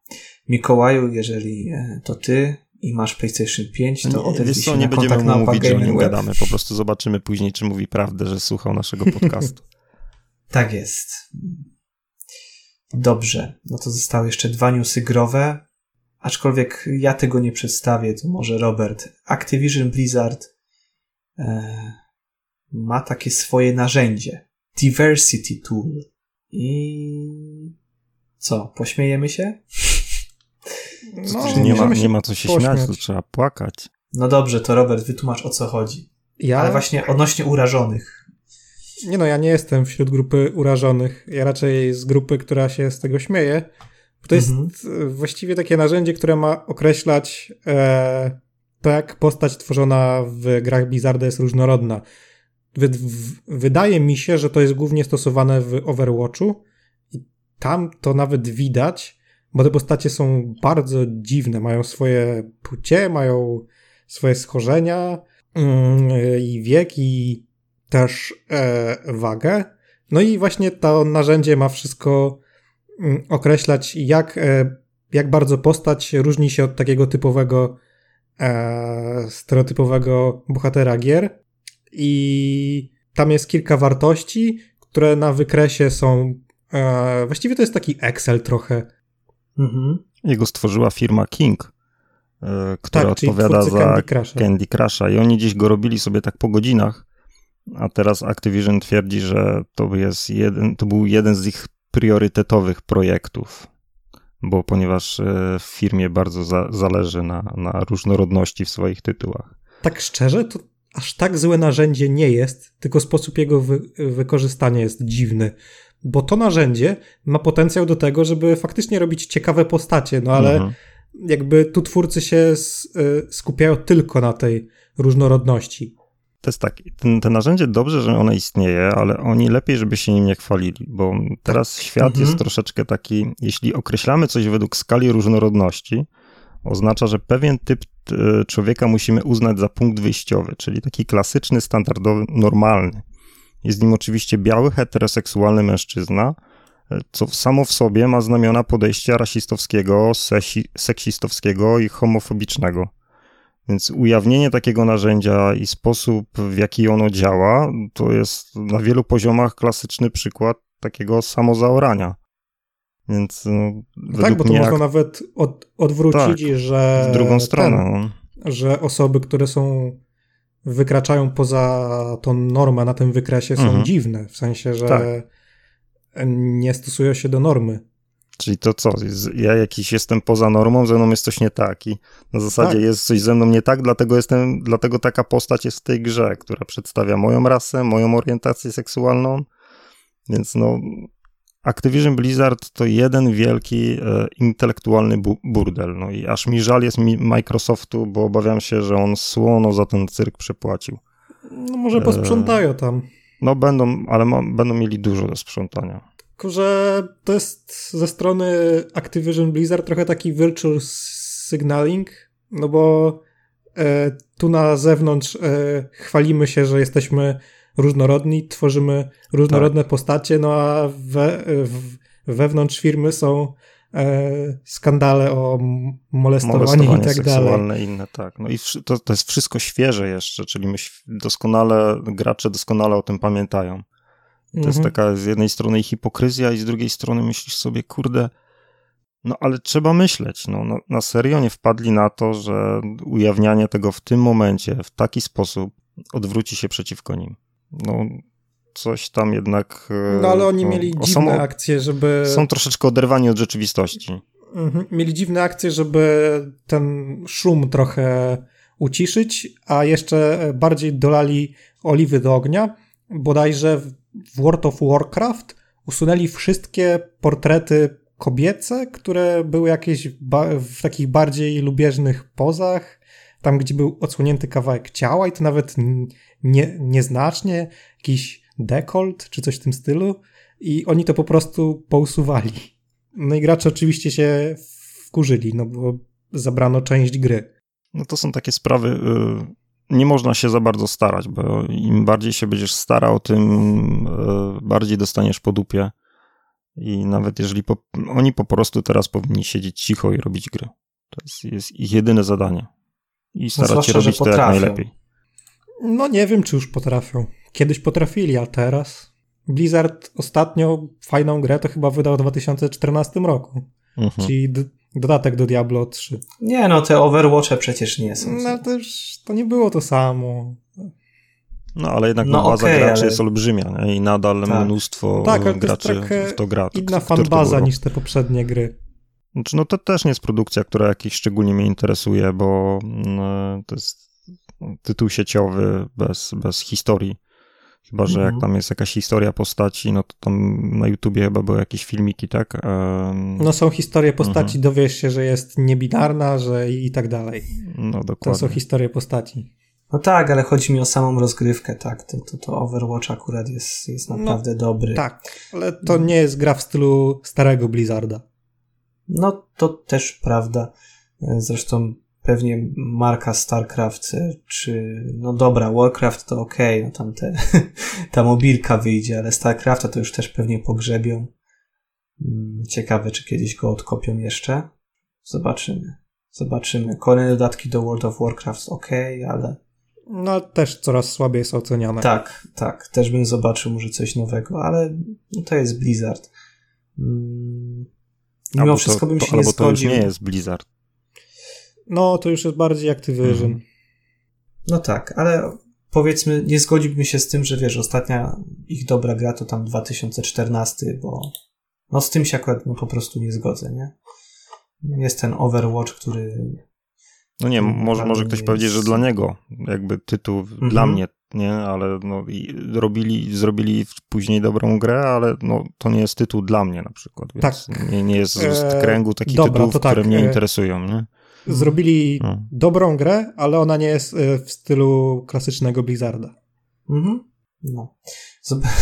Spoko. Jakby, wiesz, też nie będę... Kasjan, jesteś teraz y, usatysfakcjonowany? tak.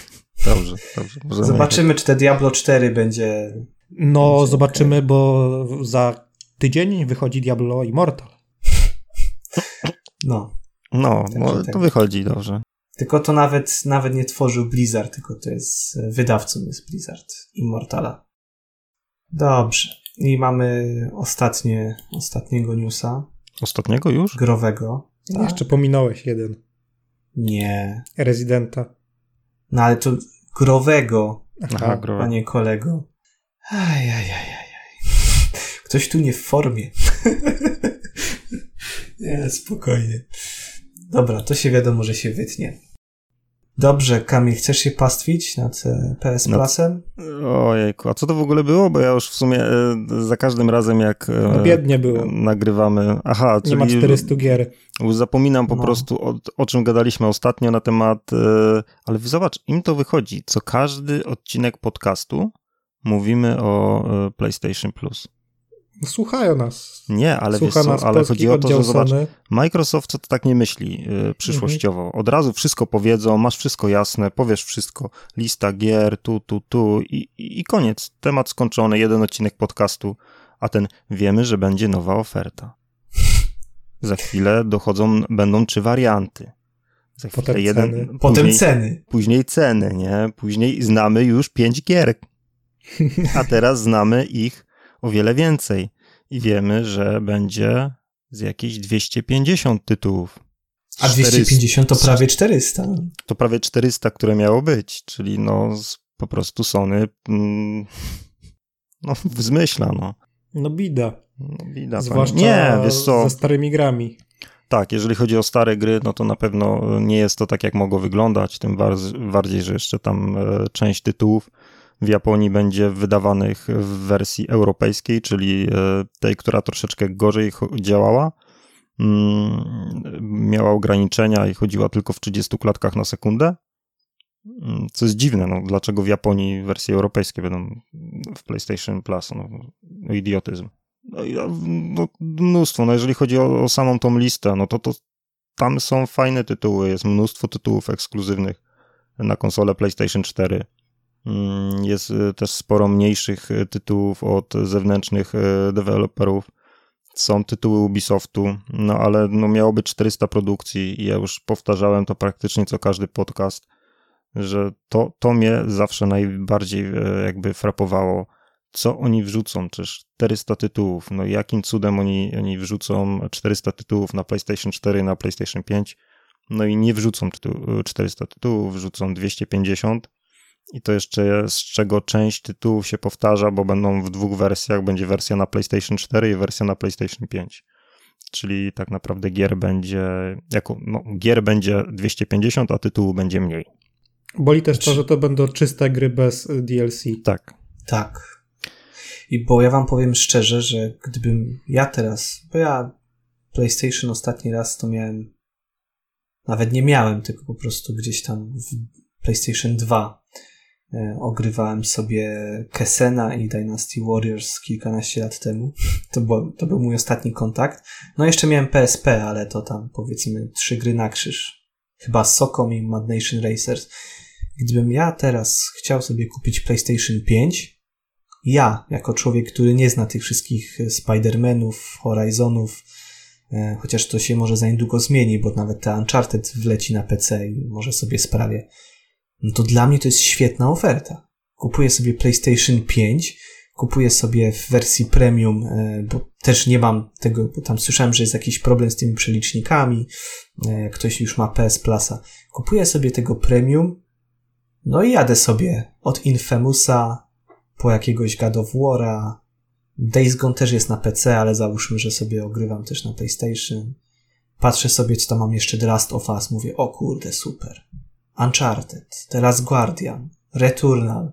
No, panie, no, piękna sprawa. Tytuły od Ubisoftu. E, też indyki. Oczywiście, że tak. Na tej zawartości jest całkiem sporo, więc ja nie jestem taki skłonny do samego hejtowania e, samej rozpiski, bo ona jest, nie, nie. ona jest fajna. Ja tu bardziej hejtuję e, Znowu stare gry. Tak, stare gry, bo, bo nie zrobili tego tak, jak po, powinni. Też nie wiadomo, no część gier, wiemy, że część gier otrzyma trofea, ale ale, tak, nie to zależy od producenta. Tak, ale nie mówi się o, no znowu wiemy tylko tyle, że część, ale nie wiemy jakie.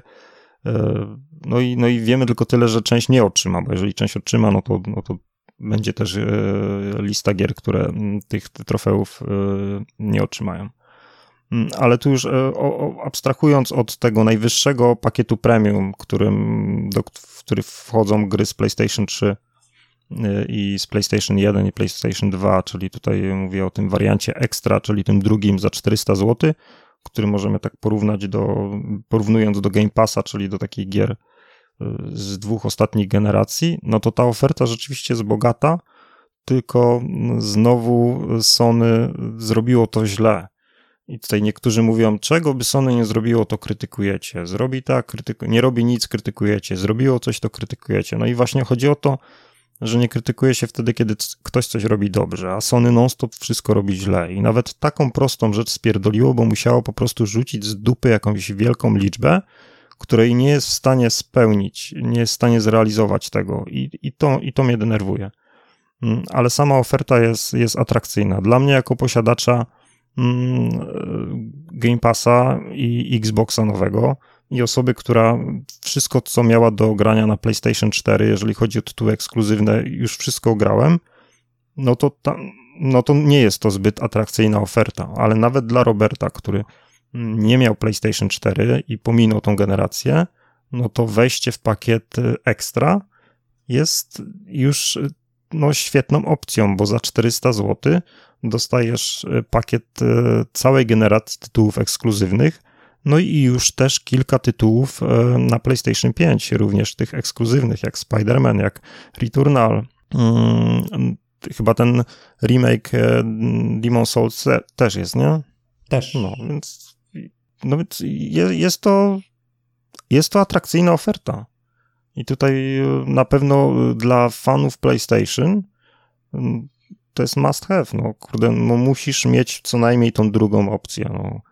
Y, jechanie na Essential nie ma absolutnie najmniejszego sensu. Ale z drugiej strony nie jest to taka oferta, która mi mówi, że jeżeli jestem fanboyem zielonych, że nagle powiem, kurde, no, a może jednak kupię to PlayStation.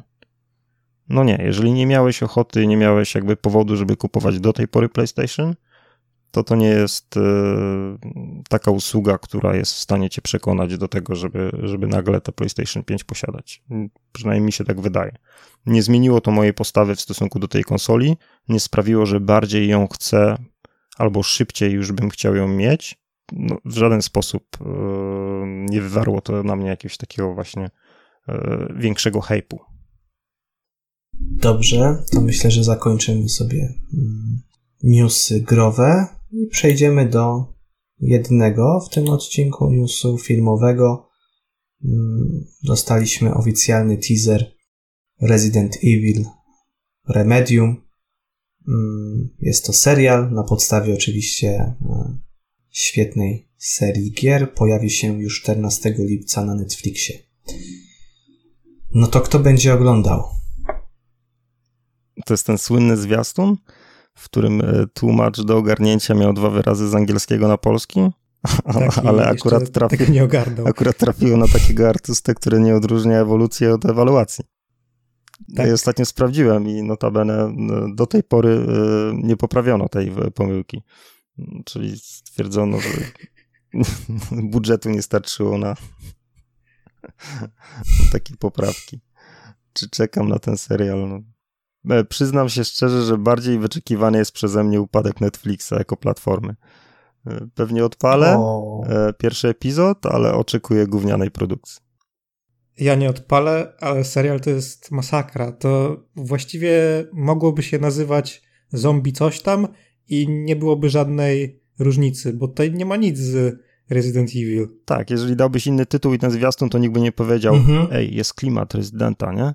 Albo coś, że mhm. kurde, no no nic, no po prostu tylko... To zupełnie tak. nie ma klimatu Residenta. Przede wszystkim Resident Evil to jakby te pierwsze części, te najbardziej klasyczne, to jeszcze nie jest postapo, to jest bardziej początek ep e, epidemii. My chodzimy po tej posiadłości, gdzie po raz pierwszy e, spotykamy się z zombie. To nie jest The Walking Dead, gdzie są hordy i mhm. bronimy się w twierdzach. A druga sprawa, to fabularnie ten serial opowiada, tak mi się wydaje, przynajmniej jakieś e, rodzeństwie dwóch sióstr, co w ogóle jest fabułą rezydenta. No, no to jest, no co można powiedzieć? No jedno słowo. Netflix. Mhm. I różnorodność. No jest, bo no jest. przemalowali Alberta Weskera, czyli bardzo klasyczną postać dla tej serii i o takim ugruntowanym wyglądzie na osobę czarnoskórą. Ciekawe z jakiego narzędzia Netflix korzysta, nie? No, ciekawe. Może pożyczyli od Blizzarda. Może. Nie, oni pewnie mają swoje. Ale tak zupełnie szczerze, to ja bardzo chętnie bym obejrzał serial, który jest w stylu wprowadzenia do, do pierwszej części. To jest tak słodko-kiczowate, że ja bym chciał rozwinięcie tego, bo to jest jedyna część, gdzie wstęp był nagrany z aktorami. Mhm. I ogólnie bym chciał właśnie, żeby ten serial miał taki bardziej, te produkcje miały taki kiczowaty troszeczkę charakter. Tak. Bo przecież taki właśnie jest y, rezydent. On, ta fabuła, jak tak zastanowić nad nią, to ona jest strasznie głupia. Te postacie są przyjaskrawione, ale to jest wszystko celowo zrobione. To ma taki właśnie charakter tych japońskich produkcji i tego rodowodu tutaj nie, nie da się jakby mm, zmazać. A to jest taki zwykły film o, o zombie, zwykły serial, kolejny głupi serial Netflixa, ale po prostu, że no, mają licencję do wykorzystania, więc z niej korzystają, bo mogą w ten sposób zachęcić ich do tego, żeby odpalić ten serial. Ale jak już jesteśmy przy serialach i, i licencjach, no to taki news z dzisiaj, że Netflix chyba jeszcze zdobył kilka e, licencji od, od Sony.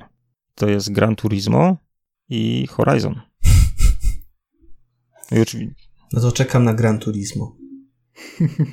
To może to będzie jakaś seria filmów dokumentalnych, nie, nie wiem, ale no bo są szybcy i wściekli, ale z drugiej strony, no rzeczywiście, no wrzucą tytuł, będzie jakiś film o wyścigach albo kierowcach. I, Może oni go mają już mhm. nagranego. Tylko, tylko, po prostu muszą jeszcze. Szukali tak, tytułu. Szukali tytułu, więc kupili licencję. A Sony ostatnio jest bardzo hojne i, i rozdaje, jeżeli chodzi o sprzedaż swoich tytułów tutaj na, na poczet ekranizacji serialowej, no to ostatnio wszystko, co mają, to no nie tylko serialowej, bo też na filmowej przecież ukazał się film Uncharted jest w produkcji e, mm, The Last of Us. Całe szczęście robi to HBO. Mm, no, Horizon, no to silna, niezależna kobieta będzie tutaj bohaterką. Świetnie to pasuje do, do Netflixa. Na God of War całe szczęście robi Amazon. No nie całe szczęście, bo przecież Amazon ma Władcy Pierścieni, Tak, ale oni, oni jeszcze mają u mnie troszeczkę taki kredyt zaufania. Jeszcze też tych Władcy Pierścieni nie widziałem. Nie wiadomo, co tam jeszcze się e, no zmieni. Być może rzeczywiście gdzieś ten, e, ten głos e, fanów uniwersum Tolkiena coś, coś zdziała, coś zmieni. Kiedy to w ogóle wychodzi? Władca. Nie wiem, czy to w ogóle była już zapowiedziana data premiery? Nie wiem, już zwiastun był, no był, był dosyć to taki, in, no. influencerom, więc chyba dosyć późno w produkcji już jest. Hmm. No, jeszcze na ocenę przyjdzie czas. Być, mo być może wypadnie to lepiej niż um, Wiedźmin od Netflixa. No to na Chociaż pewno. tutaj Netflix bardzo nis nisko postawił poprzeczkę, zwłaszcza ostatnim drugim sezonem.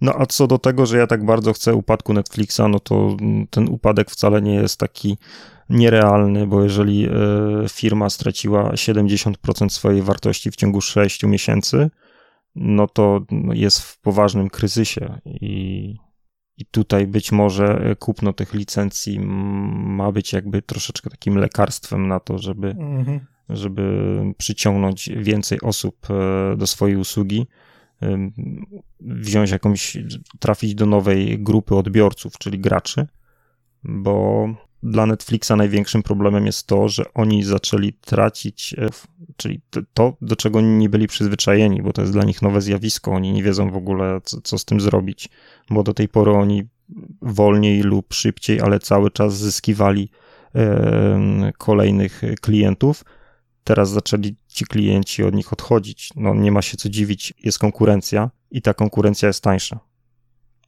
A z kolei tutaj daje mm, Netflix możliwość. Ma lepsze rzeczy.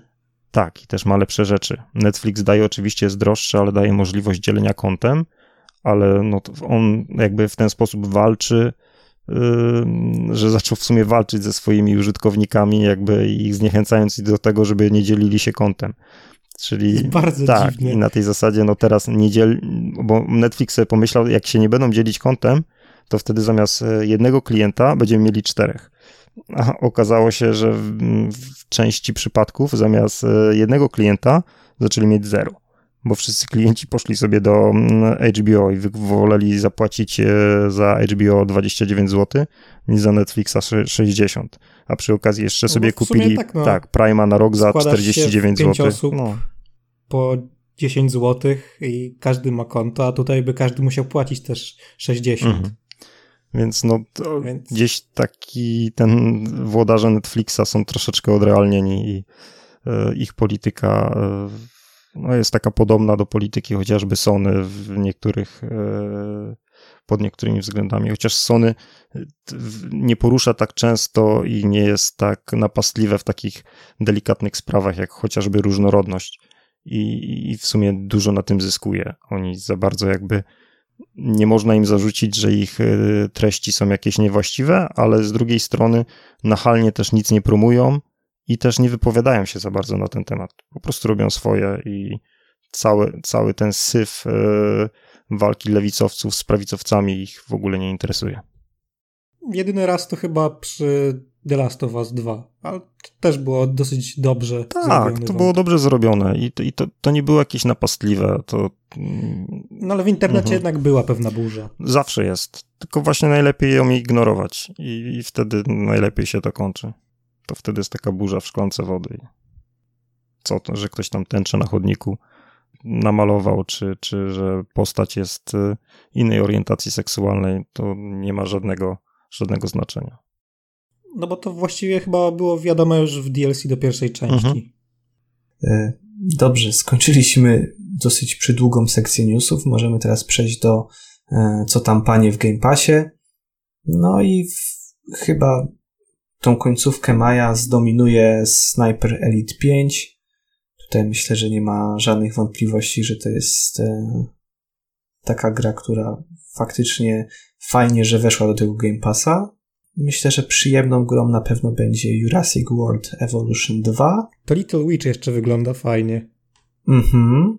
Little Witch in the Woods. No, Farming Simulator, jak ktoś mm, chce, to jak najbardziej. E, Pac-Man Museum, to też tam taki zbiór mm, gier z Pac-Manem w roli głównej. E, taki też hit ze Steama Vampire Survivors, który kosztuje chyba 12 złotych ale ponoć mega grywalna ale tylko gra. na PC, na konsolach nie. Ale tylko na PC. No i co tam jeszcze? Hair Story. Mm, Skate. I to też na PC. E, Skate w chmurze. No tak, Skate spoko. Nie, ogólnie nie, nie jest to zła aktualizacja, ta druga. I, i, I, mamy duży nowy tytuł, który zadebiutuje na premierę w Game Passie, czyli Sniper. No i każdy coś tam może znaleźć dla siebie. Jest kilka takich indyków, które warto gdzieś sprawdzić, zainteresować się. No i warto tutaj jeszcze się cofnąć do tej pierwszej aktualizacji, w której było Traktujomi, czyli też e, może nie duży tytuł, ale bardzo ciekawy e, indyk od e, większego wydawcy polskiego, który recenzowaliśmy zresztą w poprzednim epizodzie. Więc ten maj był gdzieś taki różnorodny, były i nowości, i większe tytuły. Może brakowało jakiejś takiej wielkiej petardy, ale wydaje mi się, że nie możemy narzekać.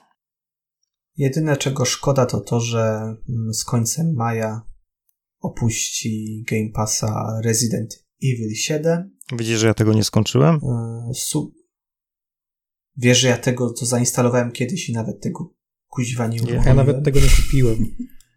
Ja to kupiłem kiedyś, mam to na PlayStation 4, ja to grywałem na czwórce i gdzieś w połowie gry y, przerwałem. Nie, że mi się nie podobało, tylko czasami jest tak, że kurde, no gdzieś zaczynasz grać coś innego, albo do recenzji masz tytuł i później gdzieś to się spycha na, na margines i już się do tego nie wraca.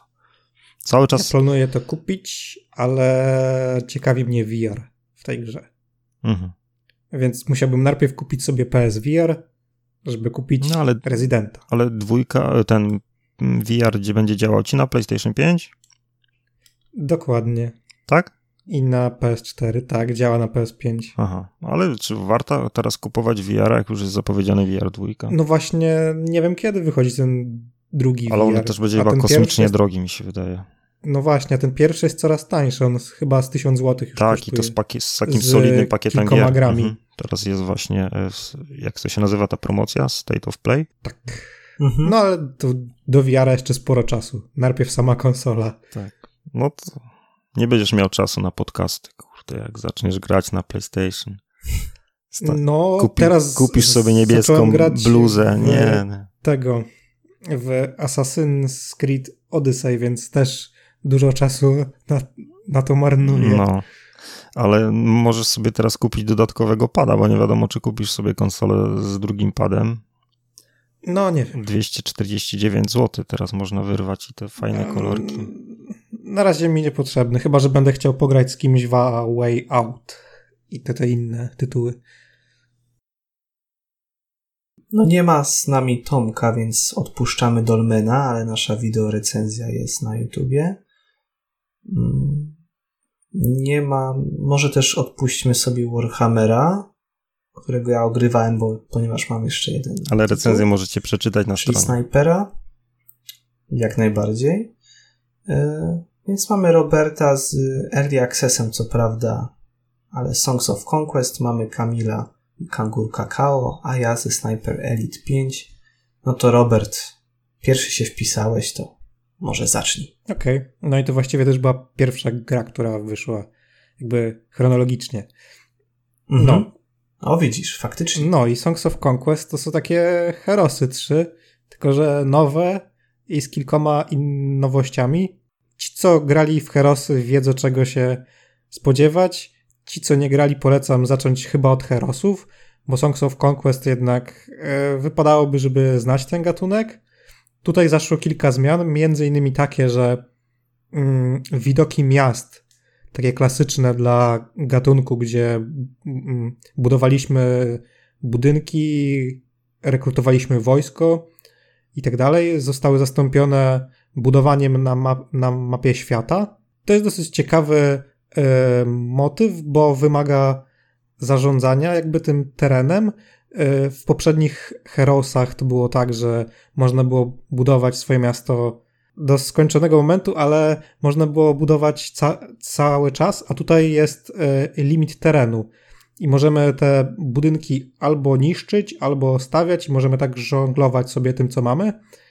Kolejną nowością jest też to, że jednostki mają swoje limity, a także pojawiają się e, codziennie nie trzeba już czekać na początek tygodnia i większość takich e, zmian i podobieństw przeczytacie w naszym tekście, który jest na stronie. Czy wersja wideo się ukaże, to nie wiem. Ale ogólnie polecam. Ta gra jest e, dopiero we wczesnym dostępie. E, twórcy mają już ambitne plany, bo mają dodać cztery nowe frakcje. Na razie są cztery, a ma być ich osiem, tak jak w Herosach 3. No i kolejne kampanie. Teraz są dostępne dwie, dwie kampanie. One są dosyć e, średnie, bo fabularnie to nie jest żaden majstersztyk. Mam nadzieję, że tutaj się poprawi, bo to jest chyba najsłabszy element gry. No ale fani taktycznych e, gier turowych strategii z elementami RPG, gdzie eksplorujemy tą mapę, no to powinni być za zadowoleni, zwłaszcza, że Herosy jakby przez kilka lat były w niebycie, a te gry, które ukazały się wcześniej, były średnie w porywach do dobrych, bo szóstka i siódemka nie były aż tak słabymi grami, ale nie były też tym, czego by oczekiwali fani tego cyklu. Ubisoft jednak e, nie wykorzystał potencjału, jaki w tej marce drzemał, więc e, musieli odpowiedzieć na wołania fanów twórcy z niezależnego studia i wypuścić Songs of Conquest. Mhm, a jaka cena? Cena. W Early Cena w Accessie? Early Accessie to jakoś koło 80 zł chyba kosztowało. To przyjemna cena. Zaraz się upewnię, ale wydaje mi się, że tak. Szkoda, że Ubisoft też nie wskrzesi właśnie Mm, Herosów. No nie, to kosztuje Settle, Settlersami. 107 zł w Mhm. Early Accessie. Aha, no to 107 myślę, że to jest Okej. mimo wszystko dobra cena, bo już na ten moment możemy grać w e, multiplayerze, a także w kampanię z, z innymi graczami w trybie hot seat. Chyba można już grać w hot seacie, ale wiem, że multi można grać, więc jakby nie to, że przejdziemy sobie dwie, dwie kampanie i z, zostawimy, no, to, no bo też możemy pograć ze znajomymi na pojedynczych scenariuszach i tutaj jest bardzo bogaty kre, kreator map, gdzie możemy tworzyć własne mapy, wrzucać je na Steamka i każdy może w nie grać. Tak samo my możemy, my możemy pobierać mapy innych graczy. To jest bardzo udo, y, ułatwione w stosunku do innych herosów. No tak, chyba o to chodzi, żeby właśnie we wczesnym dostępie. Tak. mm, To, to dobry pomysł po prostu, nie? Mhm. Dodajesz coś jeszcze ekstra właśnie w warsztacie. Żeby fani sami sobie mm, tworzyli content. Tak. Tak, i to, to też ci pomaga w Early Accessie, co nie? No Mhm. bo już coś tam gracze robią, możesz nawet coś podpatrzeć na dobrą Tak, jakie sprawę. mają pomysły na E, design map. Tak, tak, tak, tak. Nie, no to, to, to okej. To okej. No, Ubisoft pewnie już e, tej marki nie podniesie. Oni mieli w planach coś wydać z marki Might and Magic, ale to nie były herosy. Mhm. Tylko nie pamiętam, co to było. Nie wiem, kiedyś jak dubali przy Settlersach, to też wyszło jakieś takie Champions of coś tam. Mm, To też było coś na zasadzie Settlersów, ale... Okej, to nie wiem, czy Kamil masz jakieś pytania, czy Nie, jedziemy nie, nie. dalej. To akurat zupełnie nie mój e, gatunek. Okej. Były plotki, że No Ubisoft pracuje nad e, grą AAA mm, w marce Might and Magic, ale nie, nie wiadomo, co to ma być. A ostatnią grą to chyba Hmm. była Era Chaosu, to była taka mobilka. Trochę karciano, no ale nic szczególnego. Te, tego to bym nawet nie liczył, No, wiesz, no więc- może ja mam taki wstręt do mobilek. Tak, były plotki o AAA w świecie Might and Magic, ale nie wiadomo, czy to się w ogóle ukaże i czy to w ogóle powstaje. No cóż. Dobra, okej, czyli mamy mm, opinię na temat Songs of Conquest. Polecamy Faktycznie fanom tekst, Heroesów. tekst jest na GamerWebie, e, wersja wideo też będzie. Mm, Dobra, no to jak idziemy chronologicznie, no to w sumie, w sumie, no to teraz czas na mnie. I na Sniper Elite 5. Em, Pytanie takie do Was, zanim zacznę, czy Wy to zamierzacie ograć w Game Passie? W Game Passie nie, Ciekawi mnie to. ale kupię sobie pudełko kiedyś tam, bo najpierw jeszcze muszę ograć czwórkę. Okej, Kamil? Obiecać nie mogę. Nie musisz no wiem, nic ale no, obiecywać, po prostu wiesz tak czy chcę, zapytać. no, Chciałbym, ale nie jestem w stanie mm, obiecać, że starczy mi czas, żebym w ogóle to odpalił i, za, i Mhm. zaczął w to grać. No jest za dużo tego. Ja no, uważam, że to- tyle dobroci na mnie czeka, a ja mam tak mało czasu. To nie jest jakaś taka seria, To e, może być- na Mhm. którą tak, e, której na której e, nowe odsłony wyczekuję. Ale no, ogry O, o co ogrywałem wcześniejsze gry, Mhm. nie wszystkie ukończyłem. No I obawiam się, że z tą może być podobnie, czyli gdzieś tam odpalę, poprzechodzę kilka misji i na tym się skończy. No od ostatniego snajpera trochę minęło, bo jak dobrze sprawdziłem, to 5 lat. Oczywiście był Season Pass, było znowu te polowanie na Hitlera. Chyba było jeszcze Zombies. Cztery. No, ale powiedzmy to liczę Jeszcze jako ten tam z, zombie odrębną Army serię w sumie. już. trylogia, nie? Była. Mhm. To Tak, nawet mam. Tak, mam tak, tak, tak, tak. Pudełko. Okej, znaczy ja to liczę, wiecie, jako osobną jakąś tam serię. Po I nie wiem, czy wyszło, ale chyba jeszcze była wersja VR. Tylko nie wiem, czy to miało premierę, No. czy jeszcze nie miało premiery. Panie, to pan zadajesz trudne pytania w tym momencie. Że ja nawet bym nie wiedział, że to jest jakiś VR w ogóle wyszedł. Panie. Nie wiem. A nie, wyszedł. E, Okej, wyszedł. No ale dobra, no wiecie, to jest...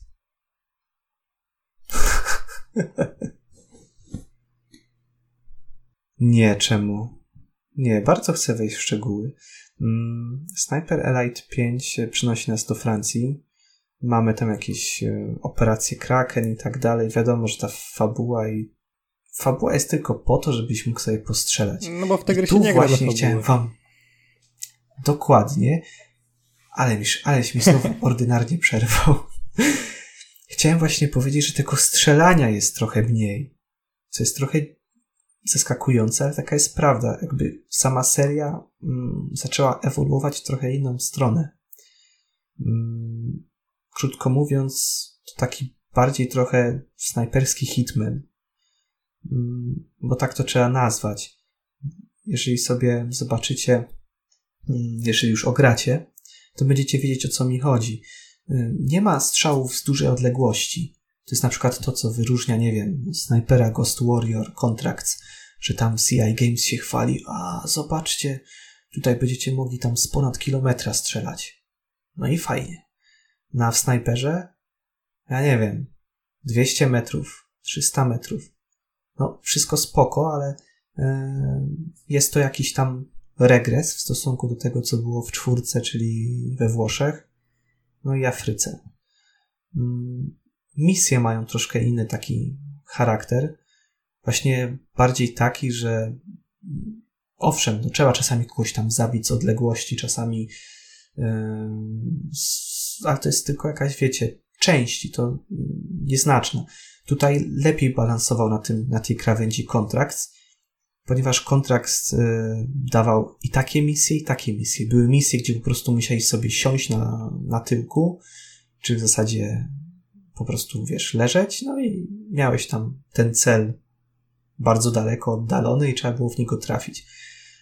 A tutaj to po prostu mm, trzeba zdobyć jakieś dane wywiadowcze, tu kogoś zaciukać, ale ten ktoś jest, wiecie, w jakimś pomieszczeniu, czyli już sami wiecie, że jest ciężko, żeby mm, trafić go z jakiejś tam odległości. Więc pod tym względem mm, Sniper Elite poszedł w kierunku snajperskiego hitmana, tak bym to powiedział. Mm, Nawet to, że tak w hitmanie macie te mm, nazwijmy to pojemniki na ciała. Co nie? Możecie kogoś schować tu, to tam. No to snajperze jest tak samo teraz. Jest tego naprawdę na każdym kroku praktycznie jest jakieś miejsce, gdzie możecie kogoś tam wrzucić. Co już samo jakby podpowiada ci, w jakim kierunku masz grać, no bo to też jest jakaś wskazówka od twórców. Ale gra się dobrze. To, to ciągle jest świetny Sniper Elite mm, z różnorodnymi misjami mimo wszystko, celami też misji, e, z fajnymi miejscówkami, które niestety mm, znaczy są świetne, jakby sam design i tak dalej jakby to powala i są też takie, które faktycznie są realistyczne, bo to tam też w to chyba wchodziła w fotogram, jak to się nazywa, fotogrametria? Tak. Tak, no. Więc pod tym względem, wiecie, macie tam jakieś e, świetne klasztory, jakieś takie tam zamczysy, coś tam. No świetne to jest. E, aczkolwiek mm, nie ma takiej do końca swobody w przemierzaniu tych lokacji. Chodzi mi o to po prostu, że musicie sobie, z, nie możecie tam jakimiś krzakami sobie podejść, tylko musicie sobie wejść na drogę.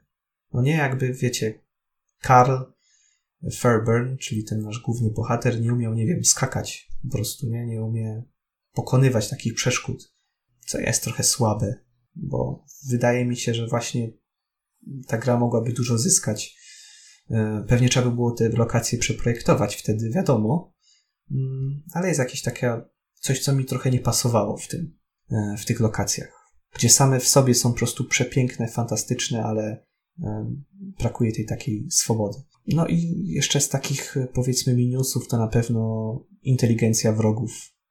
No Boże święty. Były takie momenty, w których po prostu spieprzyłem.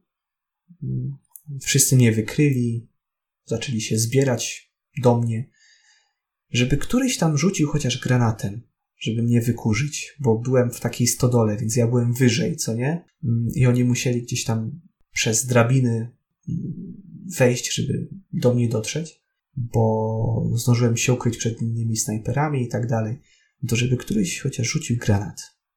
To nie, no to oni wchodzą po tych drabinach, dostają headshota, spada, wchodzi kolejny, spada i tak dalej. Gra się psuje.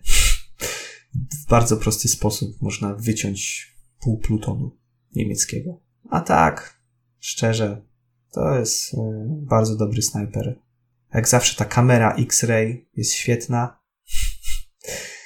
Tam mamy też tryb zdjęciowy, czego nigdy nie zrozumiem w grach takich jak Sniper Elite, zwłaszcza, ale można sobie zrobić zdjęcia. Grafika też jest na dobrym poziomie, ale mogłaby być lepsza. Jakby ja też grałem na Series S, także no może coś mi ominęło. Nie ukrywam, że to chyba najgorszy sprzęt do ogrywania Sniper Elite, więc pewnie na PC jest znacznie lepiej. Aczkolwiek jeszcze nie zdążyłem tego sprawdzić. Na poprzednią generację się nie ukazało? Bo dopiero Yy, tak, ukazało się też na, Czyli mogło być gorzej. Mhm, no, no dobra, no mogło być gorzej, ale powiedzmy, że no wchodzę w wersję next genów, mówię też o sobie, tak? Jakby mogłem grę ogrywać na PC i tam na pewno miałbym świetną grafikę. Najlepszą z możliwych, nie? Co? Mówisz tak, bo nie masz PlayStation 5? Nie, mam PC i jest bardzo dobrze. Yy, no tak, ale ja ogrywałem na Xbox Series S, także. No tak, no mogło być gorzej, ale, ale mówię tu o sobie. No nie po to kupiłem takiego laptopa, żeby grać na to, Series S. To po co, panie, po co wpisywałeś w Excelu, że wersja na Xboxa lub PC? Pobrałem pod uwagę, że mm, chętnych będzie więcej, no i jednak zachowawczo wrzucisz to na Xboxa. Kto, kto miał być chętny, że chętnych w sensie będzie więcej na zrecenzowanie snajpera? No brałem pod uwagę, że jeszcze Tomek może być. Może być no też ty. to wiadomo, że jak snajper to będziesz ty. No dobra. No ale to mogłeś powiedzieć PC. Napisałem mogłeś, jedno i drugie, bo jak piszę jedno i drugie, to zawsze daję altern, mówię, że no to okej, okay, Kasjan chce grać na Xboxie, myślę sobie, no spoko, no to wrzucę jedno i drugie, no to wtedy jest większa szansa, że dostaniemy, bo... No w sumie tak. Nie wiem, no możecie o coś tam zapytać, nie o fabułę oczywiście, Robert, bo bez przesady. Um, Jaką ocenę wystawiasz? 8,5. Uuu. No, to brakuje do perfekcji, ale mnie się ten snajper podoba po prostu. Znaczy ja jest, tam jestem w stanie ale wybaczyć. jest gorszy od poprzedniej odsłony. Nie powiedziałbym. Nie Bo powiedziałbym. Zmiany, jest... które sprawiły, że jakby zmienia się troszeczkę styl rozgrywki. Wchodzisz bardziej w taki. Czyli no, to jest no to pozytywne, właśnie, tak? No to właśnie, że... wiesz. Tak, tak. Wiesz co, no, wiadomo, że komuś się to może nie podobać. To jest, oczywiście jest to rozwiązanie, Ale wiesz, jakby... Jak myślisz, jak są fani... Może troszkę tacy, bo to jest seria, która ma, ma swoich fanów. Czy ta zmiana no. im się spodoba? Czy oni po, czy to nie jest jakby troszeczkę um, zabójstwo kwintesencji um, tej marki? Czyli troszeczkę zmienia się styl gry, to nie jest chyba to, czego oni oczekiwali jakby chcesz iść bardziej w stronę, otworzyć się może na innych użytkowników, na innych graczy, a jednocześnie możesz zarażać swoją taką starą y, bazę fanów, wierną serii. Gracze są nieprzewidywalni. No, ale jako wiesz, jako wydawca Serio, i no producent no naprawdę... musisz y, troszeczkę niektóre te rzeczy i swoje decyzje jakby przewidywać. No, bez tego nie jesteś w stanie. Jeżeli ktoś Wiesz co? Y, prawda jest taka, że w czwórce też się dało tak y, przechodzić tak, tak. misję tak. Mhm. takim sposobem hitmanowskim. Tylko, że po prostu jeszcze Tutaj masz większy nacisk Gra sama bardziej zachęca może do mm. takiego przejścia. Tak, bo tak naprawdę snajpera da się też przejść z Thompsonem w łapie, no ale mhm. co to jest za zabawa, nie? Yy, czy tam bierzesz MP40 i po prostu nakurwiasz? No, no nie. No. Jestem ciekawy, bo mimo wszystko zauważyłem, że w każdej z tych misji mm, był jednak jakiś taki moment, w którym tej snajperki używałeś e, częściej, nie? Że na przykład podkładałeś ładunki wybuchowe, no to musiałeś się skradać, no bo nie chciałeś zostać wykrytym. Więc musiałeś tam wejść na taką platformę, no to musiałeś jakby zrobić całą sekwencję, powiedzmy taką bardziej skradaną, po to, by na końcu wziąć snajperkę i po prostu strzelić w ten ładunek wybuchowy, no bo jakby bohater wprost sugeruje, że no lepiej nie odpalać, nie, lądu teraz, tylko lepiej sobie mm, przejść tam te 100 czy 150, 200 metrów, no i gdzieś z daleka strzelić. Więc są mm, jakby w każdej misji takie momenty, w których faktycznie możesz e, zrobić ten strzał taki, nie? Ten taki klasyczny taki strzał. Prawda jest też taka, że przechodząc gdzieś tam lokacje swobodnie, no to też jednak używasz tej snajperki.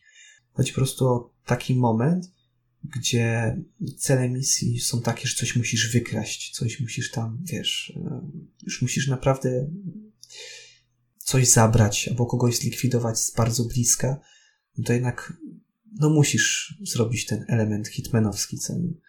No ale jest okej, okay. jakby myślę, że te proporcje jeszcze nie zostały na tyle odwrócone, że gracze mieliby narzekać.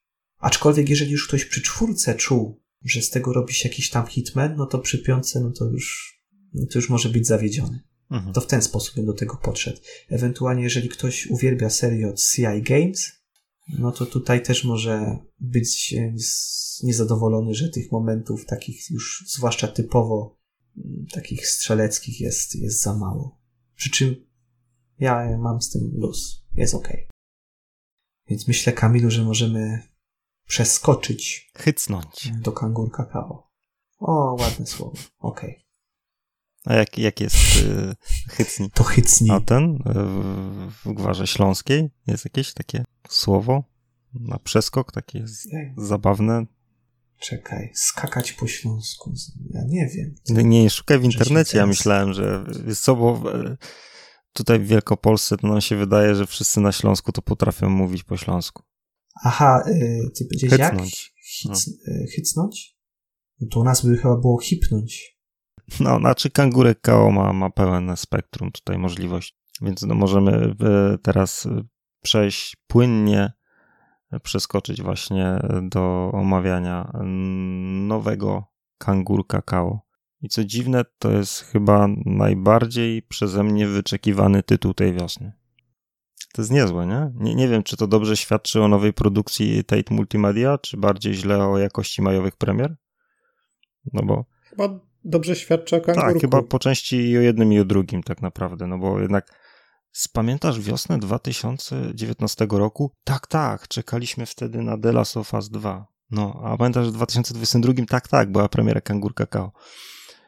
Oczekiwania miałem naprawdę sporo. E, bardzo lubię ten gatunek, e, a raczej niewiele gier tego typu wychodzi w ostatnim czasie, więc e, czekałem i nie zawiodłem się.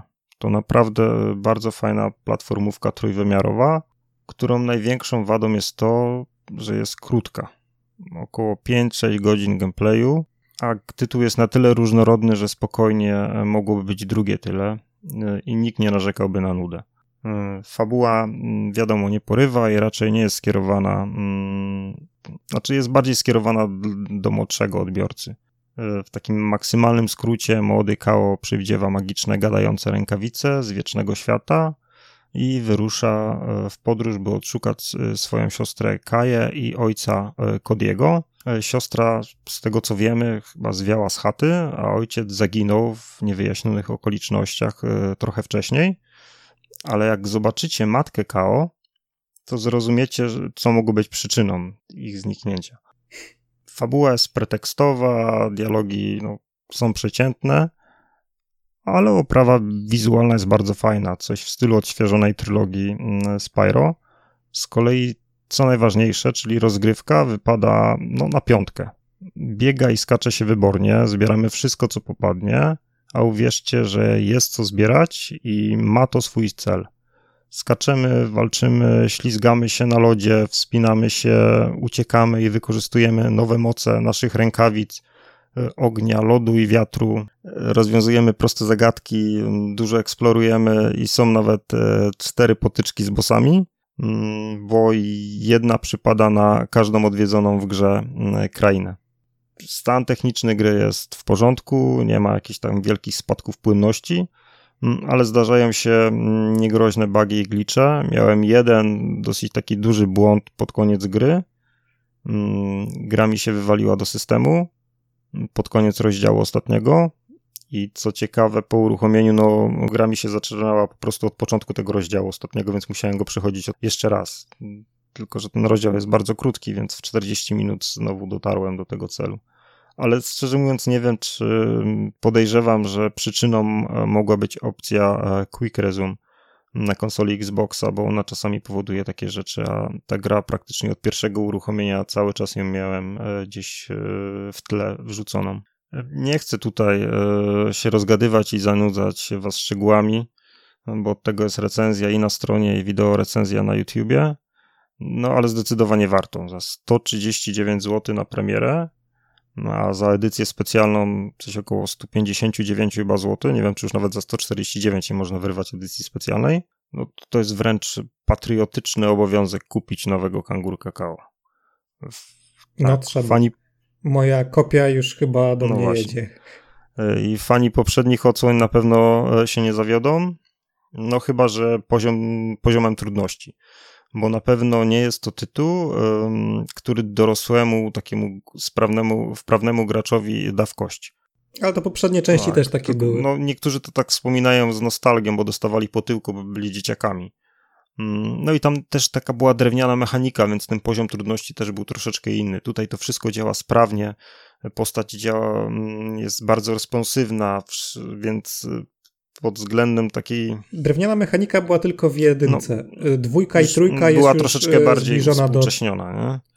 Więc, ale tutaj no, tak. można zginąć, mhm. ale no, na ogół przez całą produkcję e, tam płynie się z prądem.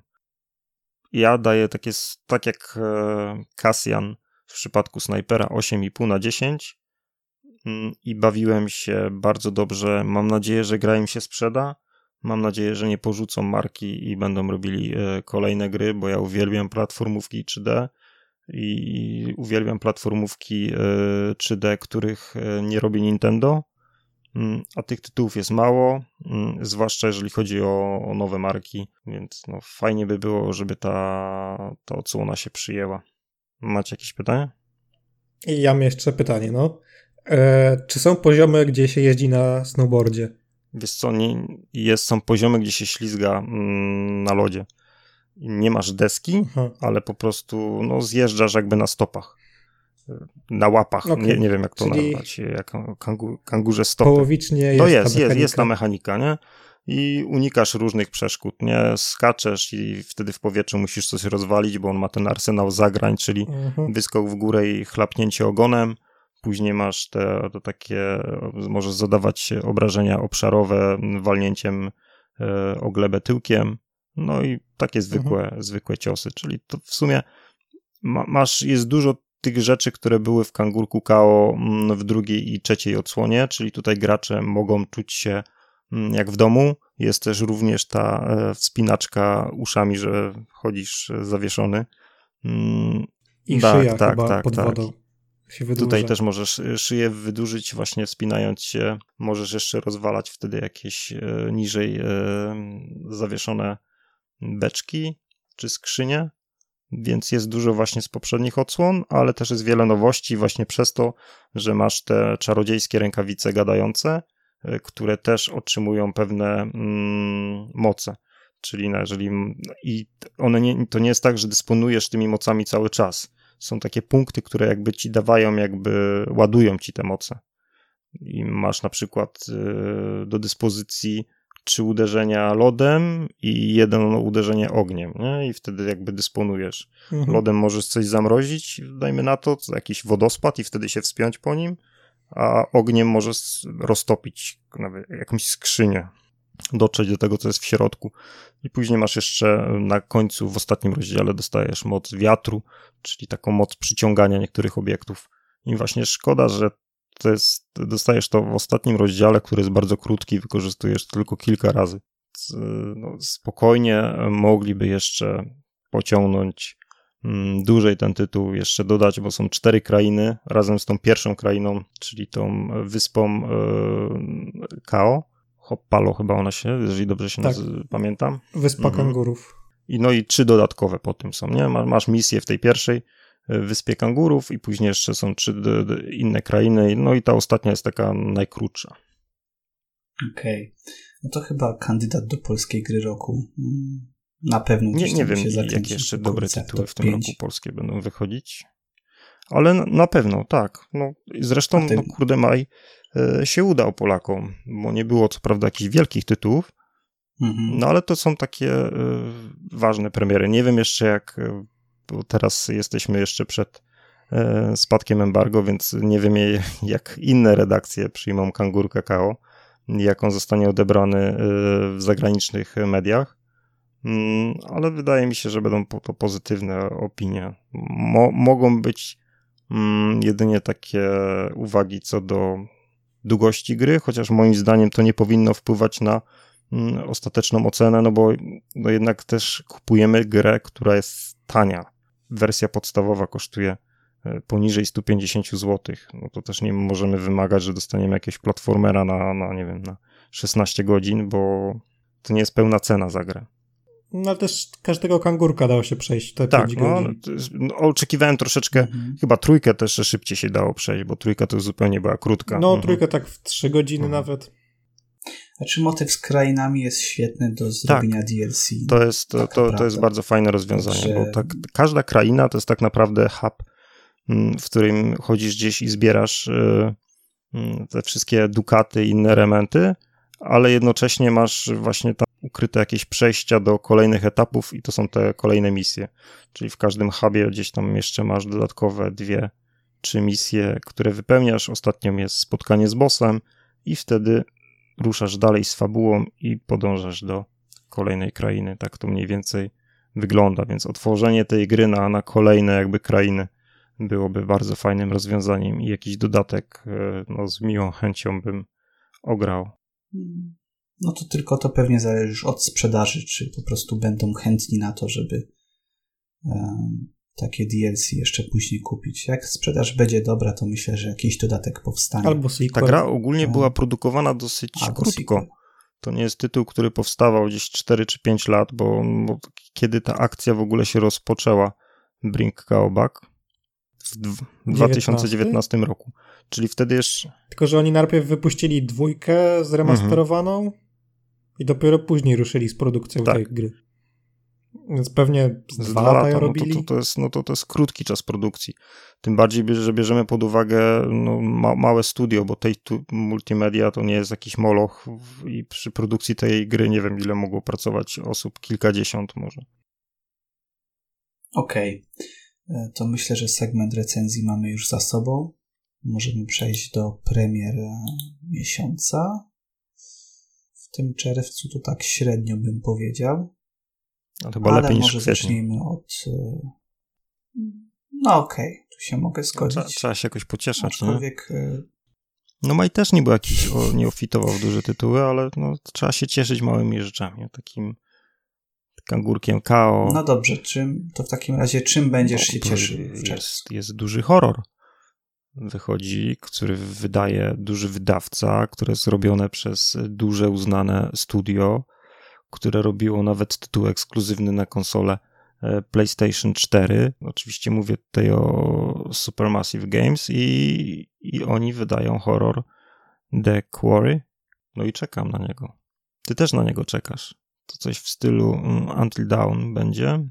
Podobny schemat. Mm, grupa młodych ludzi zostaje gdzieś w lesie, w nocy, w jakimś domku letniskowym.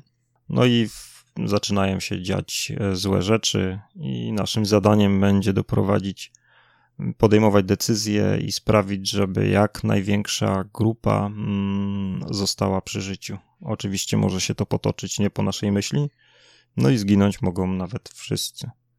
Więc no, utarty schemat, ale no, teraz jeszcze mm, wydali kilka takich podobnych gier, ale tu rozumiem, że to będzie większa produkcja, na, może na kilkanaście godzin, nie na 3-4, bo cena tytułu. Większa, bo kosztuje tak. 400 znaczy, zł. ta wersja ta, podstawowa chyba jest troszeczkę Prawie. tańsza, ale rzeczywiście oni tam nawet chyba za, za, za tą wersję zwykłą żądają sobie ponad 300 zł. Więc jak na tytuł ekskluzywny na konsolę PlayStation rzeczywiście. Ale 2K potrafi e, w ceny ostatnio i ich e, najnowsze gry, nawet e, koszykówka od 2K też na premierę kosztuje bardzo dużo. Ale to nie, jest, to nie jest też taki tytuł, który został zapowiedziany, nie wiem, mm, rok temu, dwa lata temu i na który tak czekaliśmy i hej, był gdzieś tak stopniowo nakręcany, bo ta gra, pierwszy zwiastun miała chyba w marcu. Tak, i to nawet nie na samym roku. początku. Tak. Tak, mówiliśmy. Mówiliśmy chyba nawet na podcaście. Się, marzec, nie wiem, gdzieś trzeci epizod chyba. Okej, okay, Robert, a ty? Twoja produkcja na czerwiec? Ja czekam na indyka, który się nazywa Card Shark i to jest bardzo nietypowa gra, która może się udać, bo to jest gra karciana, taka klasyczna, w sensie figury pokerowe, tylko że tu chodzi o to, żeby oszukiwać w tej grze. To jest jakby bardzo fajny pom e, pomysł, bo chyba nikt jeszcze tego nie zrobił. Były takie klasyczne karcianki przeniesione do wersji cyfrowej, jakiś poker, jakieś tam blackjacki i te inne, a tutaj w Card Sharku chodzi o to, żeby oszukiwać i żeby się nie dać na tym przyłapać. I gra jest osadzona w Francji, w XVIII-wiecznej dokładnie Francji i musimy zostać jakby mistrzem towarzyskim e, podczas takich klubowych starć w karty. Gra też ma bardzo ładny art style, więc myślę, że jest warta polecenia. Tak, jest dostępna na e, PC i również na konsolę Nintendo Switch, gdzie może rzeczywiście też e, trafić do takiej szerszej grupy odbiorców, bo to jest taki fajny tytuł właśnie, żeby pograć w niego na, na, na, na Switchu. Rzeczywiście e, gra robi wrażenie i pierwszy zwiastun jak zobaczyłem, to mówię, no, za bardzo nawet nie, nie rozumiem, kurde, o co, ty, o, to, o co w tej grze tak naprawdę będzie chodzić. Ale no, zapowiada się bardzo interesująco i ciekawie. Taki oryginalny indyk, czyli to, co w grach niezależnych cenimy najbardziej, czyli oryginalność i nietuzinkowość. No właśnie, bo ostatnio te indyki jakby poszły trochę w schematyczność, było dużo mhm. rogalików i tak dalej, no a tutaj jest coś faktycznie pomysł, którego nikt jeszcze nie zrobił. A na co czeka Kasjan? Panie Kasjanie, na co pan czeka w czerwcu? Normalnie w czerwcu o tej porze na targu sprzedajesz. czekałbym na mundial. Nie. Czekałbym na mundial. Nie ma mundialu, no to trzeba znaleźć jakiś substytut. Mario Strikers Battle League wyjdzie na Switcha. To kolejna z takich e, wariacji. Mario robi coś tam. Mario ostatnio grał w golfa i było spoko.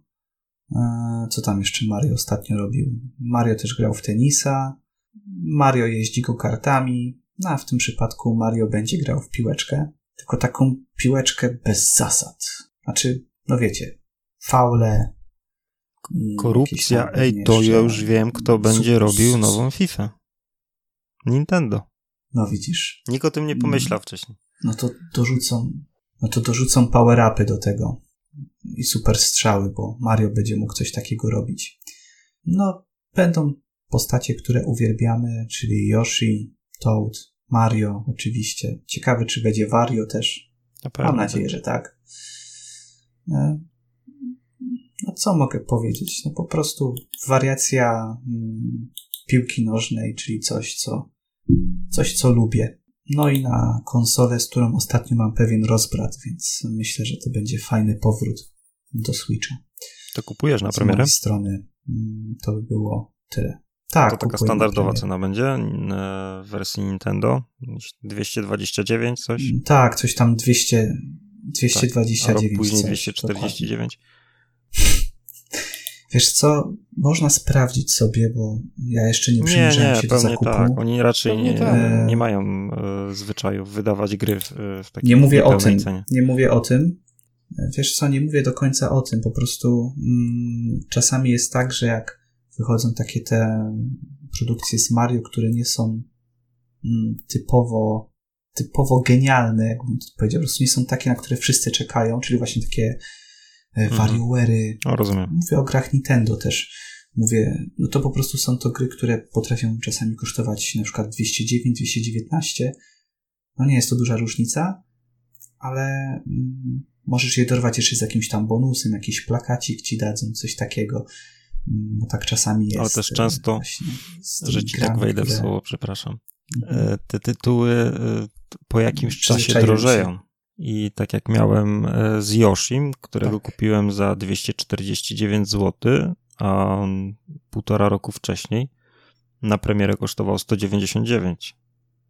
Bo to jest problemem Nintendo, że oni nie mhm. robią do druków Później jakby gdzieś tych egzemplarzy jest mniej gier. i po prostu jeszcze wtedy chcą zarobić więcej. Nie na tak. zasadzie tak. pozbywamy się, tylko okej, okay, podnosimy teraz cenę, bo jak ktoś będzie chciał, to niech płaci więcej. Bo bo nowego rzutu nie będzie, nie będzie wy tego wydania drugiego. Aczkolwiek y, są takie gry, które się gdzieś mniej sprzedadzą, jak na przykład y, ten wspomniany przeze mnie już WarioWare. No ale też w takich super cenach no, jeszcze nie gdzieś był. Tam... Um... Nie, był, był, był, był bo on no, chyba tak zleciał do 120 mm, nawet. Paper Mario to, to nie spadł. To tylko to są takie promocje, takie nagłe Ja wiem, ale właśnie mówię, że tak jak Obons, to jest y, gra Nintendo, która chyba zleciała najbardziej z ceny bo ja ją kupowałem za 99 zł mhm. i ona była chyba dostępna nawet za 89. Bo ona była na tym, na Black Friday. Ale była w wielu sklepach, bo i w necie można było ją kupić i na półce w Mediamarkcie, no, w Mediamarkcie le, leżały egzemplarze w takiej cenie, więc ale rzeczywiście to był ten okres, bo ja wtedy kupowałem mhm. Switcha akurat. Mm, I żaden inny tytuł. No i teraz znowu jest cena, wróciła do, do, do formy, czyli powyżej 200 zł. Szkoda, że częściej nie robią takich promocji, właśnie 99 zł gdzieś na te swoje tytuły ekskluzywne mm, co jakieś pół roku, chociaż dwa tytuły, żeby można było sobie. Tylko, że Pepe Mario no właśnie znowu się wpisywa w to, że był specyficzny, nie? To nie był na przykład ten No tak, z jednej strony tak, ale z drugiej strony też um, seria, która jest powtarzana na każdej kolejnej generacji, czyli no to, to nie jest jakaś taka pierwsza odsłona albo taka, że ale dalej znowu niszowa. Tak samo WarioWare też jest powtarzany na którejś generacji i z WarioWare'em było podobnie, że on już, on już WarioWare już nawet na premierę chyba kosztował 180 i zjechał chyba do 120. Gry tak. tych mm, postaci pobocznych, one jakby są e, mniej rozpoznawalne. To samo z Kirbym e, czy z Todem to też chyba te od, mhm. tą pierwszą grę to chyba na Switcha to chyba można kupić teraz za 29, za 59. Normalnie chyba 169 zł kosztuje, co i no to jak na Nintendo to jest bardzo niska cena. Mm, a tutaj jednak e, papierowy Mario to jest jednak Mario. To w trochę innej wersji, innej odsłonie graficznie, ale to jest jednak duży tytuł, mm, który opowiada też jakąś historię, więc robią te, nie robią jakby kolejnych, e, tak jak Robert powiedział, do druków, kolejnych e, wydań, mm, a mimo tego ta gra im nie zeszła za te 99 zł. Jak oni by z Mario Odyssey to zrobili, to też by była na promocji, a po jakimś czasie te egzemplarze raczej by nie były wyprzedane, że... Tylko, że Mario się na premierę dobrze sprzedał. Paper Mario był średni. Ja to kupiłem na premierę i Ten papierowy? I chyba sprzedałem tam. Sprzedałeś grę na Nintendo? No co ty. Wiesz co, ja tego nie ukończyłem. Mi się strasznie oprawa podoba w tej grze. Fajne jest takie oryginalne podejście. Historia też. O tak, walka, walka jest fatalna. Jest Ten system walki to jest tak fatalny. A jeszcze wytłumacz to dziecku, to, to jest po prostu już kosmos. No i Nintendo ma często właśnie ten, ten problem dla mnie, że te gry by były fajniejsze, gdyby oni je potrafili jakby dostosować do młodszego odbiorcy, a nie robią tego. Czyli no, kupujesz naprawdę drogie gry kilka lat po premierze, nadal teksty w chmurkach. Już, tutaj już nawet nie mówię, że yy, nie ma spolszczenia, bo już no, oni mają w dupie Pol Polskę akurat i ten rynek nasz.